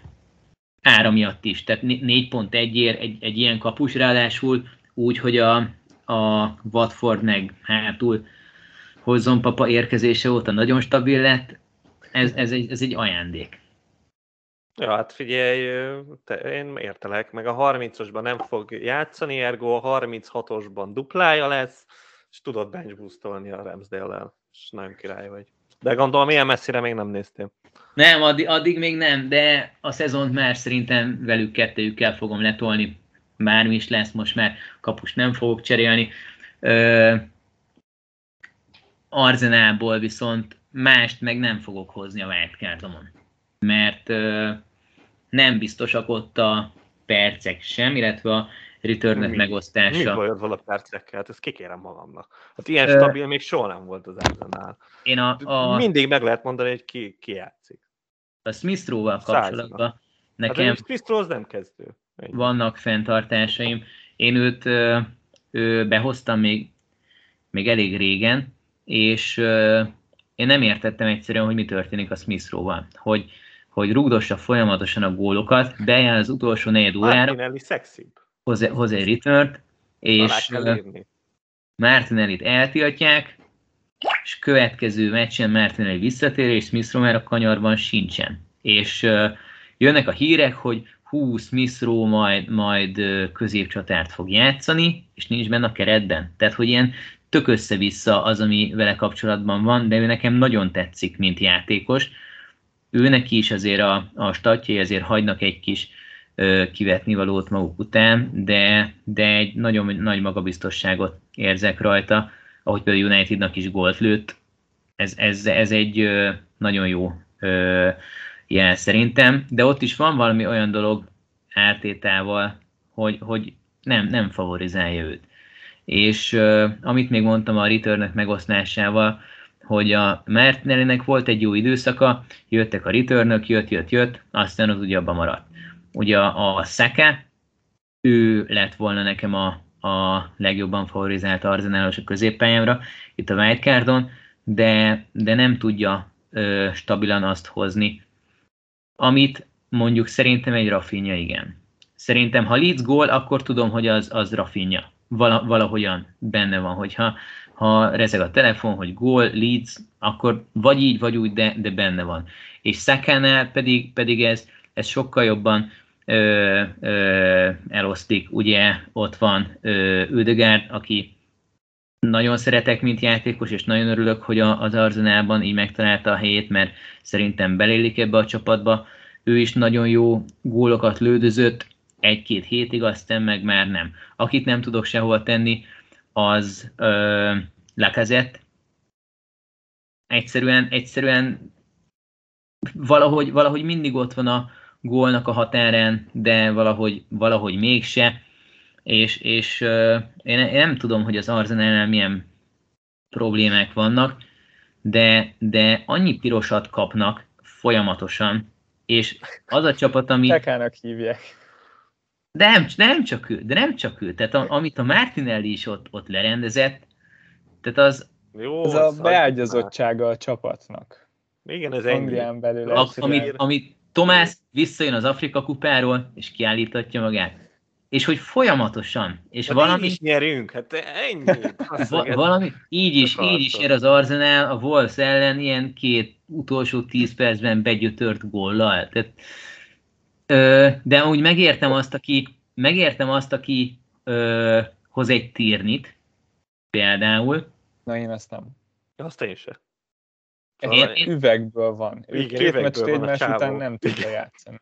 Én, én sokkal inkább, ö, vagy akár egy white mert hátul szerintem nagyon jó az Arsenal. És most, amit a Wolves ellen kaptak gólt, tehát az, az egy vicc volt, nagyon sok clean van, 0-0 az sokkal inkább bennük van, mint egy, egy ö, nagy adok-kapok sok gólos meccs oda-vissza. Arzenálból inkább védőt hoznék, de annyira azért nem nyerték el a tetszésemet. És most, most a, ahogy a, a Szotont és a Villát, szerintem úgy az Arzenált és a Wolvesot is össze tudnánk hasonlítani, és ott nekem abszolút Wolves. Wolves védők, és Wolverhamptonnak a stabilitása. Ez nagyon rosszul esik, de nem, nem is fogadom el. Ne, nekem, nekem is jobban tetszik amúgy az Arsenal, de... Jobb csapat. Igen, szerintem is, és a wolves nekem amúgy is rengeteg problémám van, szóval lehet, hogy is közre játszik. Igen, ez, ez ugyanígy vagyunk. És akkor egy, egy uh, White jobb, mint egy Cody? Jobb. Szerintem jobb. Hú, ez nagyon nehéz. Uh... És úgy, hogy félmillióval olcsóbb a White, én még úgyis Cody-t mondom. Igen, igen, lehet, hogy, hogy akkor White-ot kell mondjam de, de amúgy ez, ez egy igazán nehéz kérdés szerintem. Ja, és az Hogyha... még, bocsánat, az Arzenálnak meg, meg a duplája azért nem egy leányálom. A nem, abszolút, igen, az extra meccsei azok nehezek, ez biztos. Tény, Szerintem tény. nagyjából ott van a két csapat közti átváltás, hogy, hogy erre a következő háromra jobban néz ki a Wolves, jobb a sorsolása. A hosszú távon, igazán hosszú távon utána a Wolvesnak viszonylag elkezd romlani, és, és talán ott az Arzenálból meg előjöhet az, hogy, hogy heti egy meccsük van, Wolvesra is igaz, de hogy, hogy igazán hajtanak a BR-re, és, és amúgy szerintem egy jobb csapat. Hát igen. Meg hát 33 érted, duplázik az Arzenál, Wolves nem. Azért ilyen, ilyenre is érdemes gondolni adott esetben. Hát a Wolvesnak 32-ig, Pelis otthon, Watford 32-ig, igen. igen. igen. Aztán Everton, Leeds, Villa, Newcastle. En, ennél jobbat szerintem kívánni sem lehetne. És akkor ott a 33 előtt becserélni White-ot Cody helyett. Igen, é, igen. Világos. Wildcardos srácok, bármi, ami, ami bennetek maradt, más csapat, aki érdekelt, vagy, vagy akármi, ami felmerült bennetek a tervezgetések, ötletelések során esetleg kérdés? Hát ez, nekem ez a Villa Szoton volt, meg még mindig ez az, ami a nagy dilemmám. A többivel bennem nincsenek túl nagy kérdések ezzel kapcsolatban. Szerintem a, a legnagyobb kérdés még az, hogy, hogy most itt várkádozunk 28-ban, és mikor bench boostoljunk már. Hát adja magát, hogy a 29-esben, de én nekem meg az a bajom vele, hogy ezzel nem maximalizálom ki a, a bench boostot, de mondjuk a 36-ban lőném, akkor sem maximalizálnám ki, szóval most még jobban néz ki a csapatom, 36-ra valószínűleg már össze fog omlani, úgyhogy igen, ez, ez egy nagy dilemmám, és amikor rájöttem erre délután, hogy bench boostolnom kell a 29-ben, akkor nagyon szomorú lettem. Szóval ez van. Ez, ez, ez sajnos ez ennek a korai wildcardnak a, a hátulütője. Mert ti majd, amikor később fogjátok eldurrantani a wildcardot, akkor egy olyan 36-os bench boostot toltok majd le, ami, ami azért nagyon fog fájni nekünk. Szerintem nem rossz a 29-es wildcard. Én sem gondolkoztam ebben ö, alapjáraton, de így, hogy a Spursnek lesz 30-as fordulója, és a Spurs duplázik a 29-esben, és van három spurs ráadásul United és Brighton ellen. United-et ugye ö, azért tavaly is jól megcsapták, nekem az úgy jól az emlékeimben van, ö, illetve a Brighton az most pocsék hátul, három ö, Spurs támadó, az szerintem nagyon jó lesz, két púloson van, akik szintén dupláznak, és a, a többi játékosomnak is kimondottan jó sorsolása van a 29-esre, ugye Ramsdale duplázik, Foster pedig a Soton ellen fog játszani, a Wolvesnak jó sorsolása van a 29-esben, hiszen ők akkor az Evertonnal játszanak. Én, én egyre inkább hajlok a felé, hogy meglépni ezt a 29-es bench boostot, mert attól félek, hogyha most nem, akkor nagyon nehezen tudnám majd a 36-osra úgy kozmetikázni a csapatomat, hogy egy, egy jól benchboostolható csapat legyen. És sok, sok ö, hitet kellene rákölteni, vagy pedig előre sok olyan cserét kellene beterveznem, amik amúgy nem lennének a legideálisabbak, és hogyha azt nézzük, hogy ugye a bench boostnál az számít, hogy a padod összesen mennyit hoz, nem vagyok benne biztos, hogyha a Game Week 36-os padom értékéből kivonnánk azt, amit esetleg hitekre költök, hogy azt elérjem, vagy pedig azt, amit ö, alternatív lehetőségekre elmulasztok, hogy azt ö, elérjem, nem jönnék ki most jobban. Szerintem igen. De, de ez, ezt ö, azért sem fogjuk megtudni, mert hogyha most wildcardozok, akkor 36-ban egyáltalán nem fogok erre gondolni, és nem fogok tudni kiszámolni, hogy amúgy mennyi lett volna, amúgy meg pont fordítva. Én, én teljes mértékben egyetértek. Szerintem a második wildcard és a bench boost az, az mindig is kéz a kézben járt, és, és én nem engedném el ezt a, ezt a jó szokást. Ha valaki most wildcard, ezek tök királyú meg tudja tervezni, hogy akkor hogy fog kinézni az a bench boostja egy fordulóval később. És amit mondtál, hogyha most abba gondolkozunk, hogy jó, akkor majd én is csinálom 36-os bench boostot, mint a többiek, akik esetleg később wildcardoznak, abba komoly transfereket fog investálni az illető, és ezért sokkal jobbnak érzem azt, hogyha most esetleges, talán gyengébb bench booston túlesik valaki, és utána szépen békén hagyja a padját, amin egyébként játszójátékosok lesznek, mint az, hogy a későbbiekben igencsak jelentős pillanatokban majd négy és feles védőket, meg esetleg középpályásokat, vagy ne Isten kapust cserél, ahelyett, hogy forgatná a sokkal több pontot hozó játékosait. Szóval hajrá, aki most wildcardozik, az szerintem most bench boostoljon.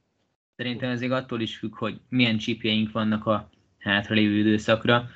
Nekem még egy free hitem, meg egy tripla kapitányom hátra van, és a, a 36-osra én egy free hitet ö, terveznék. Az előző nagy duplában is jól sült el az, hogy egy, egy free hitet lőttem el, és ö, nem vagyok benne biztos, ahogy az előző duplában sem voltam benne biztos, hogy a Salah tripla kapitány az többet hoz, mint egy free hit, szerintem nem feltétlenül hozott többet, és a következőben, hogyha van egy meglévő csapat 36-osban, és annak a padját még belevesszük, az nem biztos, hogy többet fog hozni, mint egy teljesen az aktuális ö, formához, ö, ellenfelekhez igazított free hit. Sőt, szerintem ott a free hitben még nagyobb potenciál is van, és a A tripla kapitányomat pedig szerintem egy, egy, egy olyan duplában fogom elhasználni, amikor lesz egy fixen játszó prémium játékos, akinek kettő viszonylag jó meccse van, de, de a, a bench boostra nem biztos, hogy van jobb lehetőség most a 29-esnél. De sajnos így van. Tehát, uh, én nagyon nem vagyok boldog, de hát uh, ez van. Meggyőztelek, Máté? Na, hát én a bench boostot én azt már itt délután én rájöttem, hogy el kell lőni. Tehát én ennek nagyon szomorú vagyok, érted? Most ilyen hét duplázó játékossal nem fogok annyira tombolni, vagy nyolccal. Mondjuk két duplázó kapussal, tehát ez olyan, mintha semmi nem lenne. De, de csak a padot néz. Tehát a, most az, hogy a padodon most de érted, amikor a levék el fogják lőni a 36-ban, úgy, hogy a Chelsea-nek baromi könnyű meccsei lesznek, a City két hazai meccse lesz, és full tele lesznek 15 duplázóval. És szerinted hány, hány Chelsea is? Lesz, lesz -e 6 Chelsea plusz city Hát hogy ne lenne wildcardon? Nekünk free majd lesz? Hát miért ne lenne? Mert biztos lesz wildcardon nekik 6 Chelsea is, meg tehát a 3-3. Ja, és, igen, és ezt értem, de, de, nagyon kevesen fognak. Tehát a wildcardot már azért sokan előtték. Igen, igen, igen. Ez, Jó, ez olyan szempontból nem lesz jelentős. Kevesen igen. lesz úgy, hogy a 35-re wildcardoznak, és a 36-nál pedig ö, bench boostolnak, viszont akik pedig ezt választják, azok ö, nyernek plusz négy játékosnyi pontot a padról. Mi viszont a mostani wildcarddal meg ki tudunk aknázni ö, három elég ö, problémás fordulót, kettőt a duplex szempontjából, egyet pedig a blank szempontjából. És szerintem ez többet ér, mint a 36-osban az a plusz négy ember a padról, főleg úgy, hogy mi ott egy olyan free tudunk csinálni, ami után visszakapjuk az előző csapatunkat, de hogyha 35-re összeraktok egy olyat, ami aztán 36-ban jó lesz, lehet, hogy az utolsó kettő forduló az meg ö, nagy szopás lesz azzal a, az összeváltkározott csapattal, és akkor ott is ö, lesz majd egy olyan alternatíva költség, ami meg nekünk nem lesz ott, hogyha, hogyha egy free hittel ezt ki tudjuk bekelni. Adom. Abszolút adom. Srácok, én azt mondom, hogy így a, a maratoni adásunk lassan-lassan végére közeledve nézzük meg a Discord kérdéseket, mert nagyon jókat kaptunk, és ezekre még mindenképpen szakítsunk időt. Szerencsére egy jó részével foglalkoztunk az alatt, ami alatt kiveséztük az előttünk álló fordulókat, de, de van egy pár, ami, amit esetleg csak részben érintettünk, és, és még érdekes lehet. Próbáljunk meg egy villámfordulót, ahol, ahol megpróbálunk lényegre törően válaszolni viszonylag pontosan. És az első ilyen kérdés, az, az gyakorlatilag egy, egy top 3-as. Bence kérdezte tőlünk, hogy ki lenne az a három Chelsea, akit beraknánk free hiten, mert hogy kell a három Chelsea a free hiten. Jó a sorsolás, három játékos. Rüdiger, James, Mount. Gyakorlatilag én sem nagyon tudok vitatkozni ezzel. Tehát uh, konkrétan ezek. Ez a három. Szerintem ez, ez konszenzus. Egyetértek. Egyetértek. Mm, Havertz, mint említettem, én egy picit elgondolkoztam. Kepa meg olcsóbb lett a héten. Adjál az meg. Mévinás trombúzis is kérdezi, hogy mikor lehet még free hitelgetni, főleg akinek még kettő van. Hát ezzel kapcsolatban nagyon durván együtt tudok érezni. Két free hit van a kezemben, de gyakorlatilag érzem, hogy olvadnak el. Tök jól megúsztam a fordulókat free hit nélkül, már csak az a kérdés, hogy amúgy mikor fogom elhasználni őket. Felesleges, engedd el. Ez tök felesleges. Szerintem erre a nagyon rövid válasz az lényegében az kell, hogy legyen, hogy itt említettünk három fordulót, ami előttünk van és problémás, ezen kívül lesz egy 33-as, amiben duplák biztos lesznek, az is lehet, hogy lesznek lyukak is, és akkor ott van a 36-os. Ez öt alkalom, ebből ki kell választani kettőt, és, és szerintem semmiképpen se szimpla fordulóba, ha már ennyi lehetőségünk van. Ez ennyi. Szerintem ezzel minden megválaszoltál. Szerintem a szimplában, és szerintem nem érdemes a free hitet tartogatni, hogy ja, majd jó lesz, majd jó lesz, majd jó lesz, mert ott fogunk tartani, hogy ó basszus, négy-öt forduló ezelőtt mennyivel jobb lett volna, mint most. És uh, szerintem a 29-es az egy nagyon jó lehetőség a free hitnek a kiaknázására. Spursre nagyon jó rá lehet menni, Púra nagyon jól rá lehet menni, Arzenára nagyon jól rá lehet menni, ö, akkor ugye van meccse mindenkinek, tehát még bőven be lehet rakni egy-egy City játékost is akár, tehát szerintem a 29-es az free hitre nagyon jó, és hogyha kettő van, én nem biztos, hogy sőt, biztos, hogy nem tartanám meg mind a kettőt a 30-as utára. Tuti, hogy nem. Tuti, hogy nem. Egyet, abszolút egyet tudok érteni veled. 30-asban pedig ö, sokkal kisebb értéke lesz a free hitnek, mint a 29-esben, ezt most megmondom. Sokkal kisebb. Hogyha valaki nem a 28-asban wildcardozik, akkor mi lehet jó alkalom erre a csipre? 31, méghozzá úgy, hogyha most úgy kozmetikázza a csapatot, hogy a 30-ra legyen egy jó csapata. Gondolok itt a Villa, hát legalábbis nálam, nálam a Villa, Wolves és Spurs játékosokra főleg, Arsenal esetleg, és ebből az egészből pedig kiváltkárdozik, és csinál egy olyat, ami, amivel majd a, a következő időszakra fel tud készülni. Nekem ez volt a másik ötletem a, a wildcardra, hogy most még így el vagyok, mert nem volt olyan rossz a csapatom.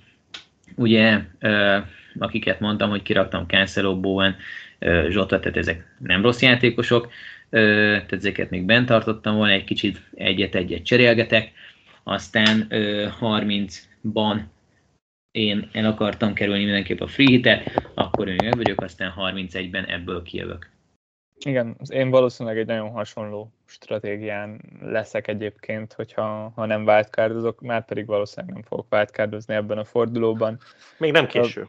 Ki, kipróbálok lőni valamit, lehet, hogy pont ezért fogok freehitezni ebben a fordulóban, mert kettő van, és, és valamikor el kell használni. Én lehet, hogy akkor a 30-asban is elhasználom a free hitemet, hogyha messze áll a csapatom attól, hogy, hogy ott legyenek elegen és, és akkor utána egy, egy wildcarddal pedig megpróbálom majd kihozni a legtöbbet a 30-as 6-os fordulóban. Kettő free hit, 28-30 van, plusz wildcard 31-ben.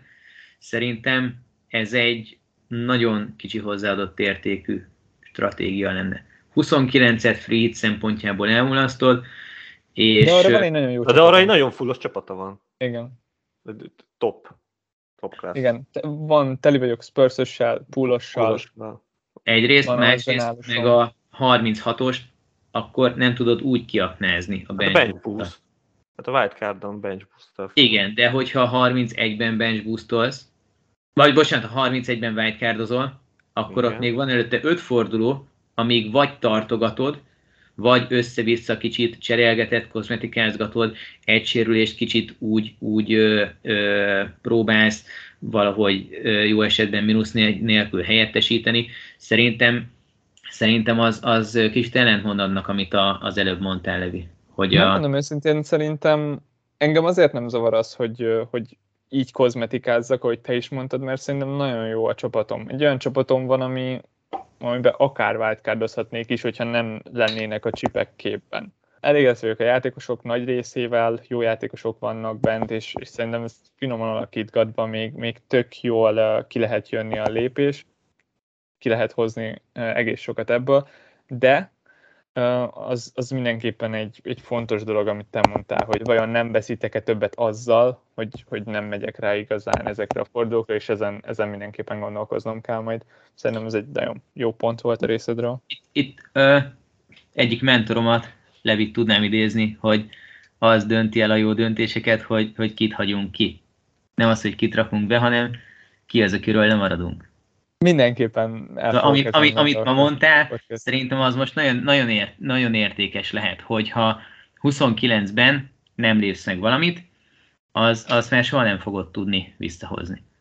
Hogyha, hogyha a, és ez, ez a free hitre szerintem nagyon igaz, hogyha két free hittel valaki ö, eltartalékol 35. forduló utára, akkor rengeteg olyan lehetőséget elmulaszt, ami, ami nem fog tudni sehogy visszahozni. De, de ig, abszolút értem. Én, én úgy voltam egész eddig, és azért is van két free hitem, mert szerintem egyiken se buktam annyit, mint amennyit remélek, hogy nyerek majd, amikor elhasználom.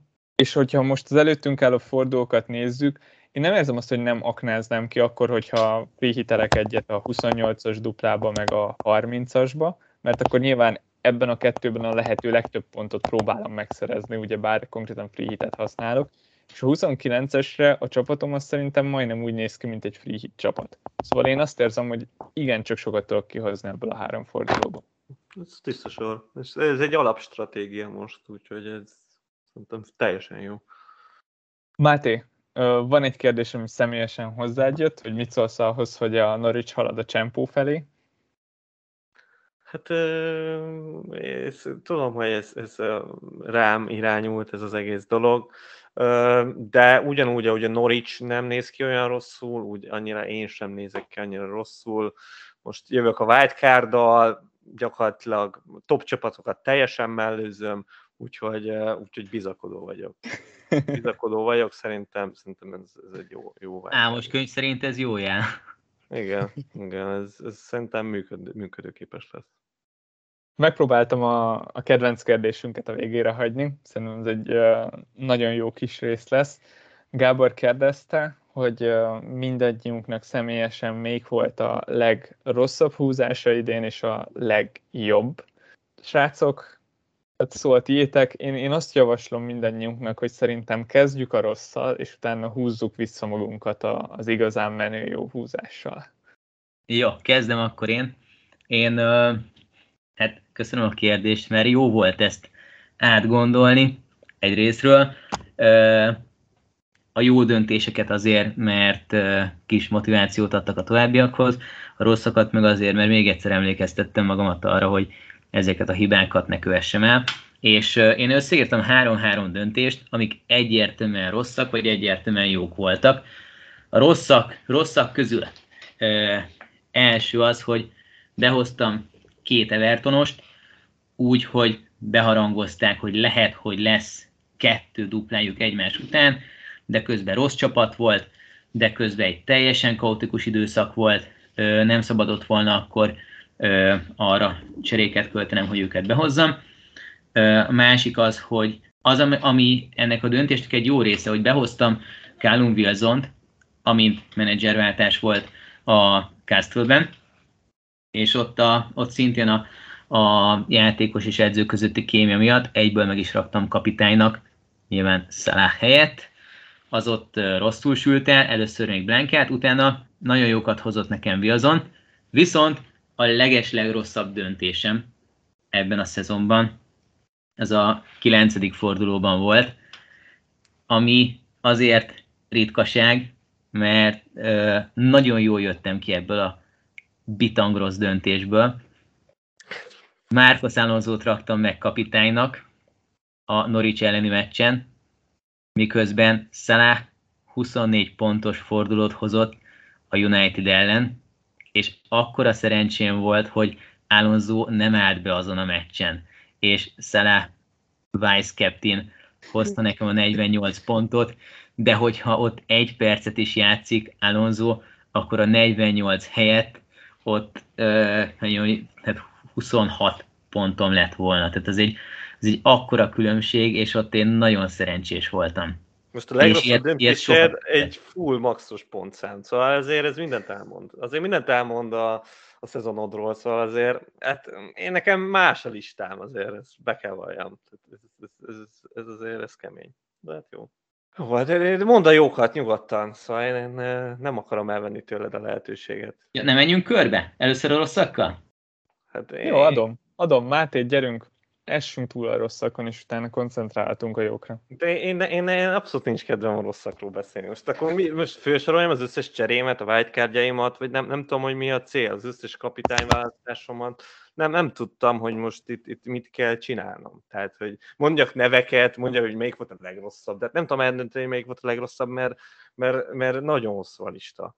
Tehát, hogy, hogy, hogy végtelen gyakorlatilag most tényleg nem, nem tudok erre mit mondani, az az igazság. Úgyhogy a legrosszabbakat én, én kiadjom. Tehát, hogy ott megcsináltuk azt a fél éves összegzőt, abban nagyjából mindent elmondtam, akkor még lehet, hogy a Michael Keane nem volt benne, meg Calvert-Lewin 2.0 se volt benne, meg, meg a Trossard se, meg, meg a Ronaldo se, meg amit azóta cseréltem, de igazából csak meg kell nézni, és, és akkor megvan. Nekem a, a leges legrosszabb lépésem, az, az félig talán kimagyarázhatnám, hogy nem az én hibám volt. Ez a 22. fordulóban volt, amikor duplázott a Manchester United, és, és egész héten azon voltam, hogy jó, akkor cserélek egy kapust, mert hogy nem játszott abban a fordulóban a kapusom, ha jól emlékszem, és akkor középpályán megpróbálkozok Brunoval.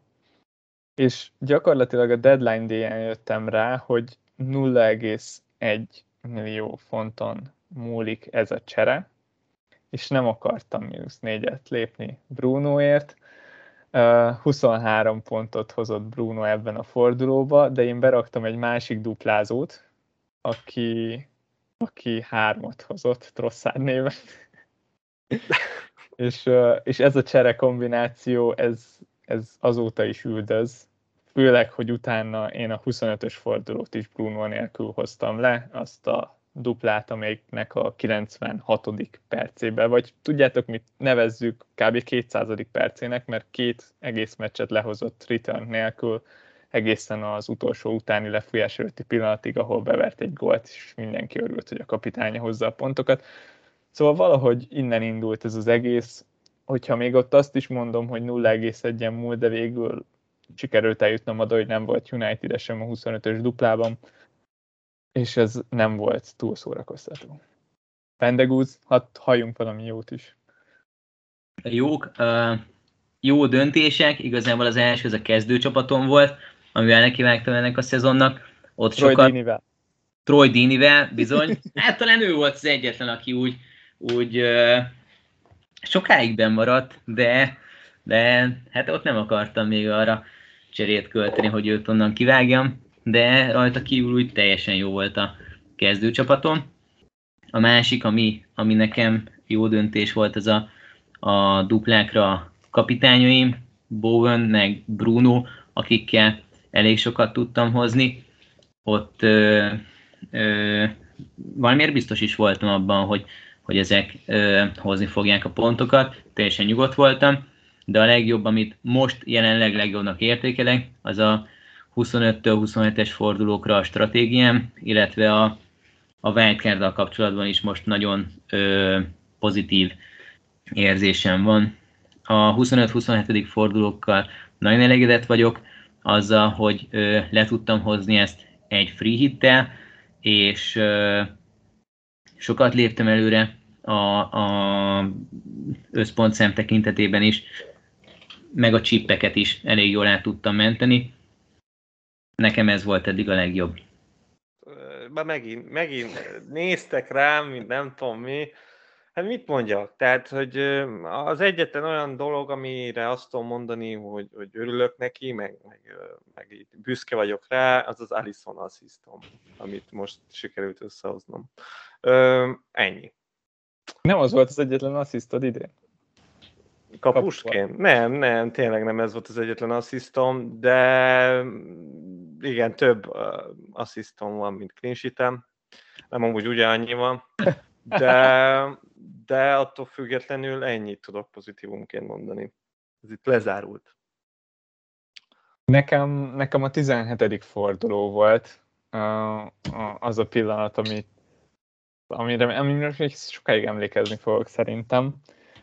Ez is egy Covid sújtotta lyukas forduló volt, hogyha jól emlékszem, és uh, is itt egy dupla cserét csináltam, kiraktam Boomot és Rafinhát, és behoztam uh, Remzit és Fodent, és nagyjából fél óra telt el az első meccsekből, egyszerre játszott az Aston Villa és a Manchester City, és, és Foden lőtt egy gólt, Remzi meg gyakorlatilag félpályán végig cselezte magát, és úgy talált be, és az a pillanat az annyira jó volt, amikor ilyen hamar ennyire ülnek a cserék, és tényleg egy lyukas fordulóban extra fontos volt minden pont.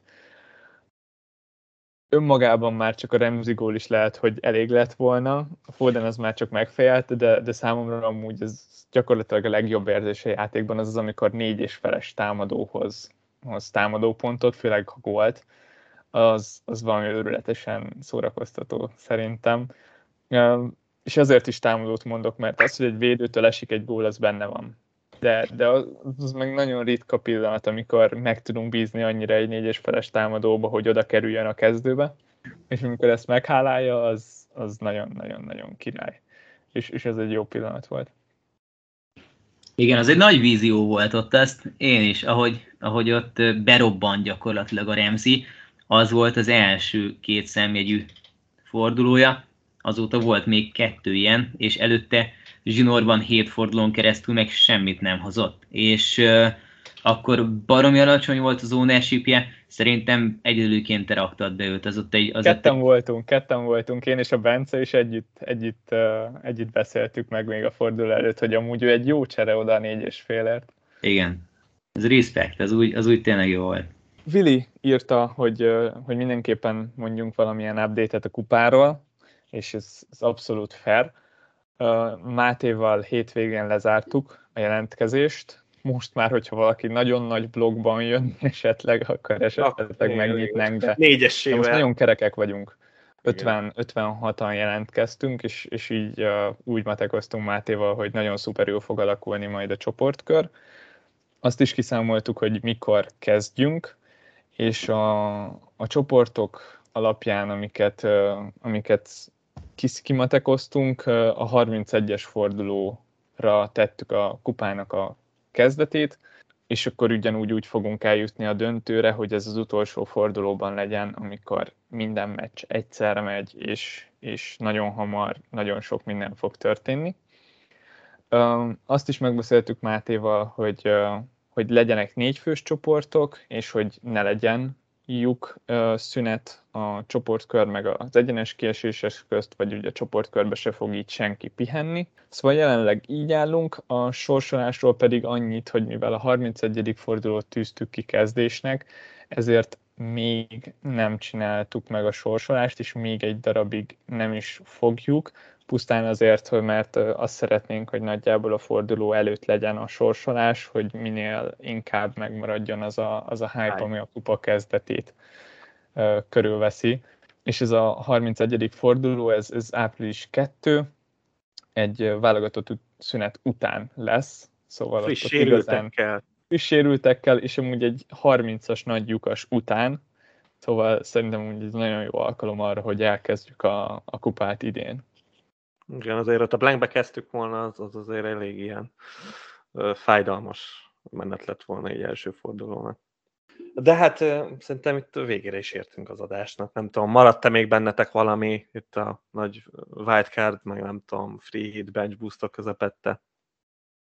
Nem, jó van. Hát akkor figyelj, Bendegúz, én, én nagyon örülök, hogy, hogy végre vendégül láthattunk, és tényleg ez azért bebizonyosodott, hogy, hogy azért nagyon, nagyon nagy utat jártál be itt egy év alatt, teljesen itt perfekt stratégiával, magabiztosan álltál itt, szóval kíváncsi leszek, hogy hogy jössz ki belőle, én mindenképpen szurkolok neked, hogy sikerüljön a top 10 bekerülned.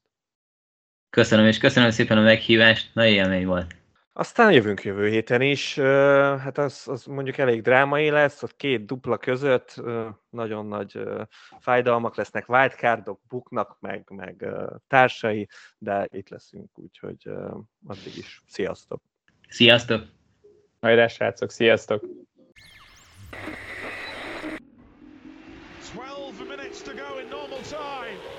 Liverpool 3-0. Corner taken quickly, Origi! This is unbelievable! This is delirium! Anfield, have you ever heard noise like this? Na pontosan ilyen szenvedéllyel készítjük termékeinket. További részletekért csekkold a footballcraze.store webáruházat. Footballcraze. Fanatikusoktól fanatikusoknak.